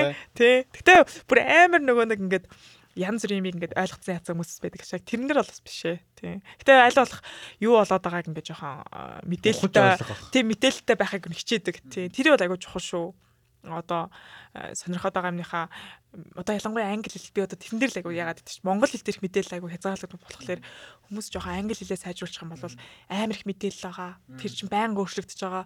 Тэгээ тэндээс хоцрохлоор нэг хоцрохлоор айгу хурдан хоцрох гад идэм билээ. Би чинь одоо сургуулаасаа гарчаад сургууль төгсчөөд Монголд жоохон байжгаад нөгөө нэг Америк яваад тэгээ тентгийнхаа хүмүүс хүмүүстэй уулзсан чинь надад л амар хоцрогдсон юм шиг мэдээллээс багасч юм санагдаад жоохон гонигтай л байсан. Тэгэхээр аль болох тэр мэдээллүүд гэдэг юм салбарын ч байдаг юм уу, сонирхлын ч байдаг юмнуудыг ойрхон ойрхон аваад тэр нөгөө нэг э, шинэ явж байгаа юмнаас хоцрохгүй байх айгу чухал юм билэ. Тэгээд тэрийг бас жоохон боломж байвал хийж ивэл зүгээр ах. Над ч гоё. Тий ялангуяа залуу хүмүүс подкаст сонсч болно тий. Юу подкаст сонсч болно. Артикл уншиж болно тий. За за одоо ярианыхаа хамгийн сүүлийн асуултыг асуугаад өнөөдрийнхөө энэ үр дүнтэй халуухын яриаг өндөрлөе гэж бодож байна. Тэг хамгийн сүүлийн асуулт маань хүн болго өөрийн гэсэн нэг амьдралын философитой ч юм уу за мототой ч юм. За би нэг темирхүү одоо нэг жоохон шантардаг ч юм уу яадаг чинь темирхүү үедээ нэг тэр тэр зарчмаа ч юм уу одоо та сая хэллээ шүү дээ хандлага гэдэг тэр нэг санаа юмыг нэг төрүүлээ харчдаг өөрөө санаачлаг гаргаа тэрэндээ төрүүлээд бусдыг хүлээлгүйгээр төрүүлээд үйлдэл гаргацдаг энэ хандлага бол мэдээж таны нэг амьдралын зарчмуудын нэг бах. Тэгэхээр заавал тийм мото ч юм уу дагддаг тийм зүйл байх албагүй философи байх албагүй амьдралдаа баримталж явдаг зарчим. За би энэс л нэг ямар ч зүйл нэг тохиолдсон энэ зарчмаас л би нэг хазаачихгүй яваад байвал а бас амраа амгалаа яг өөртөө амар сэтгэл ханамжтай өөртөө үнэн гоё ингээд яваад их юм да гэвэл ямар зарчмуудыг ярих вэ? Окей. За яг яг миний хувьд бол би нөгөө нэг Америкт анх очичаал айгүй хэм хийгээл тэгэл comedy college-оос шилжих гээл тэгэл явж явахдаа яг хөө тэр үед айгүй хэцүү байсан. Тэгээд би сүүлд нэгж боддог болсон шүү дээ. Ямар ч гэсэн өөртөө өгсөн тухайн үед өгсөн боломжуудыг өөрөөсөө шалтгаалахаас тултал нь ашиглаж чадчихл байвал ер нь бол харамсах юмгүй. Тэгэхээр яг тэгтэл илүү анхаардаг. Тэгэхээр болж игэл өөрт тухайн үед оногдсон боломж нөхцөл одоо юу гэдгийг те тэрийг өөрийнхөө хэмжээнд тултлаад ашиглах дараад нь харамсахгүй. Тэгээ би бол гол нь бол нэг харамсахгүй шиг л амьдрмаар байдаг. Гэтэ би айгүй харамсдаг л та. Тэгдэг ч байдаг, ингэдэг ч байдаг. Тэгээд яхаа сүлд нь өөрийгөө жоохон тайвшруулаад тэгэл яхаа тэр үед тэгэл ингэсэн тэгэл яасан одоо дараагийн удаад хийхгүй ах хэрэгтэй ч гэдэг юм уу те. Тэгэхээр яг тэгж л боддоо юм. Тэгэл аль болох тухайн өгсөн боломжоо аль болох сайн ашиглаад а тэгээ би community college дахта номын санд баг орой хатлан тэр үед нөгөө манай түр номын сан байдаг гэсэн 9 хаадаг гэсэн хатлан суудаг гэсэн. Баг өдөр болгоо. Тэгээ натаа цуг амьдардаг байсан нэг 50 охин бүр одоо инспайр болсон гэж хайшин. Гэтэ намайг дагаад суугаад бит хоёр оройжонгоо өдөр болгон хоол моолоо авч суугаад Тэгээд би эхлээд англи хэл айгу муу байж байгаа. Тэгээд аяндаа сайжирсан аахгүй. Тэгээд аягүй их ном уншин. Тэгээд би бас хажуугаар нь ажил хийдэг байсан. Тэгээд амар их юм амжуулаад. Тэгээд аа ялангуяа тэгээд нөгөө боломжуудаа ашиглаад хүн сайжраад ахцмаа тэрэндээ айгу урамшчтай юм билэ. Тэнгүүтээ хүн өөртөө ихтэй болоод тэнгүүд яг өөртөө ихтэй болсон юм чинь дахиад нөгөө нэг өөрийгөө ажиллаж хөдөлмөрч одоо юу гэдэг цагаа ашиглахад нь ингээд урамшуул болоод. Тэгэхээр ингээд юм сайкл юм шиг байгаа. Тэгээд муудаад ирэнгүүтээ ингээд бас муудаал өөртөө эргэлзээд ирдэг. Тэгээд ингээд хичээгээ сайжраад ирцмаа сайжруулаад ирэнгүүт чинь хүний өөртөө ихтэлч нэмэгдээд Тэгээ яг би тодорхой хэмжээнд үр дүнг авцсан л да. Одоо сургуульдаа явцсан, хийд юмнуудаа ажилдаа ингээд орцсон, хийж үзсэн, үзмээр гамнуудаа хийцэн. Тэгэхээр надад бол нөгөө нэг өөртөө итгэл бий болцсон байхгүй тодорхой хэмжээнд. Тэгээд бас үр дүнгээ харцсан. За би өөрөө хичээгээд боломжоо ашиглах юм бол бас нэг юм хурж болдго юм байна гэдгийг харцсан болохоор яг тэр надад айгүй хэрэг болдго юм. Гэтэ одоо хүртэл яг мэдээч хэрэг миний хийж байгаа юмнуудаас болохгүй юм байна. Миний хүснээр болоогүй юмнууд бас зөндөл байгаа штэ. А тэр болгонд нь яг тэгэл өөртөө за яг би өөрийнхөө боломжийг тухайн үед ашигласан Тэгээ одоо ингэ болоогүй байж it's okay. Тэгээд let's move forward. А зүгээр цаашаа яах вэ гэхлээрээ ахаал нөгөө нэг боломжууд ашиглаад хэрэгтэй. Тэгэл үргэлжлэл яваад байна. Тэгээд нөгөө нэг өмнө нь бас одоо амьдрсан амьдрал гэх юм уу туршлагаасаа зүгээр харахлаарэ аа ингээд би иймэрхүү юм ингээд авцсан юм чинь ингээд дараагийнх нь ч гэсэн очрын олоод явчихл таараа би өөрөө угаасаа нэг юм сонин тэгшгэн биш ингээд тойрооч юм шиг ингээд янз бүр юмар явдаг тэгээд тэр нь нэг яг би өөртөөхөө өөрийнхөө ингээ гаргасан шийдвэртэд үнэнч байгаа л тэрнийхээ төлөө ингээ авчууд нэг газар хүрчил таараа гэдэг. Ерхэд нэг тодорхой хэмжээнд харцсан болохоор тэгээд яг тэрэндээ итгэе авчтай. Тэгэхээр яа боломжуудад ашиглах юм да. Тэгээд нөгөө нэг юу яадаг штэ. Одоо бид нар нэг материал өгөх хэрэгтэй байла. Тэнгүүд өөртөө ингээд бодоол янз бүрийн бодолтой гэдэг юм болох ч юм уу болохгүй ч юм амар хэцүү мэт гэж бодоод өөрөө хийгээ болчих юм бол тэгэл тэр чинь нөгөө ямар нэгэн байдлаар хийж авах ч юм уу яах юм магадлал нь тэг болчихж байгаа дээ. А зүгээр өөрийгөө ямар ч боломжийн ашиглая гэл ямар ч зэн нэг юм хийгээл өгөхөд чинь тэр чинь боломж нь тгээс илүү болчихж байгаа байхгүй. Тэгэхээр өөрөө өөрийгөө зогсоохгүйгээр өөрөө өөртөө өгсөн боломжоо айгуу сайн ашиглаад э, оролдоод ахлаар тэгэл нэг газар хүрнэ гэж боддоо дээ. Тийм. Тэгэл баг багаар урагшлал тий. Тийм. Тэгээд тэг аянда тэр чинь үр дүнгээ хүн аваад ирэнгүүт э, урамшаад өөртөө ихтэй болно гэдэг их гоё үг байна тий. Өөртөө ихтэй болохоор чинь амар том нөлөө гард юм аа. Тийм. Айгүй том нөлөө гардаг штэ. Тэгээд арай арай илүү цаг зарцуулна, арай илүү сууч чадна тий. Тэр яа. Нэг нэг тим нэг цэг халдсан. Тэгээд тэрэндээ за ямар ч байсан болно гэд зорцсон бол тэгэл тууштай суул үр дүнгээ зэн цаг дууг. Гэхдээ бас нөгөө түрүүний ярьсанчлан одоо Харвард оронч гэх юм уу тийм нэг юм амар specific айгүй тодорхой тий айгүй тийм ингээд юу болчвол тэр чинь өөр айгүй аюултай. Яг л очиж явах замдаа тэр чинь болохгүй боломж нь айгүй их.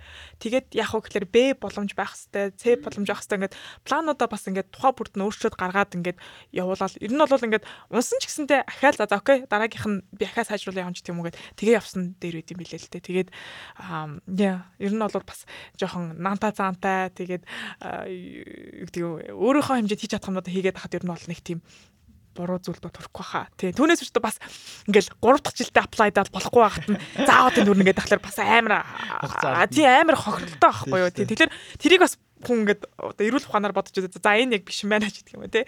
Тэгэж бодох хэрэгтэй ах л та тий. Сая сая юу философич одоо философич хэлэхэд хаашаа зур хандлага ч юм уу ойлгомжтой байсан уу юу? Тэр амьдралын зарчим гэдэг талаас нь илүү. Тий. Гэтэ би бас энийг нэг өөрчлөгдөж магадгүй гэж боддоо шүү дээ. Тий. Хүний яг яг ингээл явцын дунд энэ өөрөө суугаа явцсан байдаг л ах тий. Өөрт тулгарч байгаа бэрхшээл гэдэг юм уу? Тэр зүйлүүд нь ингээд тухайн хүнийг өөрийн хүмүүжүүлээд юм уу? Өөрийнх нь зарчмыг бий болгоход бусдаар ихэс төрөл бид нар нэг зарчим. Оо ийм зарчим бол миний философи гэдээ бид нар дагаад явахгүй өдөр болгон тулгарч байгаа зүйлүүдээс нь тэр философи нь зарчмыг ингээд бичлцээл явж лээдэг байна. Одоо тэгэл ингээд корона гараад пандемикийн үед ч гэсэндээ ингээл бас нэг нэг өдөр болгон сайн бай өдөр болгон бундаг гэж хэлж амар хэцүү байхгүй юу. Тэнгүүд чинь бас хүн ингээл за би юу н амьд байгаадаа л баярлээ. Өөрийгөө өнөдөртөө ингээд нэг тодорхой хэмжээнд аваа явчлаа тий. Хоолундаа идчихлээ. За дасгал хийвэл хэмж гэдэг юм уу тий. Бас өөртөө айгүй зөөлөн хандаж сурах хэрэгтэй юм шиг. Тэгэхээр яг орчин нөхцөөс шалтгаалаад бас яг ингээд нэг жоохон эрүүл маягаар сэтгэхэд явбал зүгээр л хальтаа тий. Тэгэл тэгэхээр би бас жоохон өөрчлөж магадгүй л гэж бодоод байгаа. Хүмүүс ч гэсэн яг өөрөө өөртөө тохирсон л юг авч авах хэрэгтэй хальтаа. Тэгээд энэ цаг үедээ бол энэ үг бол өөр ингэсэн үнцэн нэг. Тэгээд магадгүй 2 жил 3 жилийн дараа ч юм уу тантай дахиад харилцаад арай өөр төвшний нэг зарчим гараад ирсэн дээ. Хамтлаг гараад ирсэн. Аа нэг юм байна гэдээ сууж хаа байлаа. За тэгээд баярлалаа цаг гаргаад манай баг хамтолны урилгыг хүлээж аваад 2 цаг орчмын яриаг өрнүүлсэн алдраагчтай маш их баярлалаа.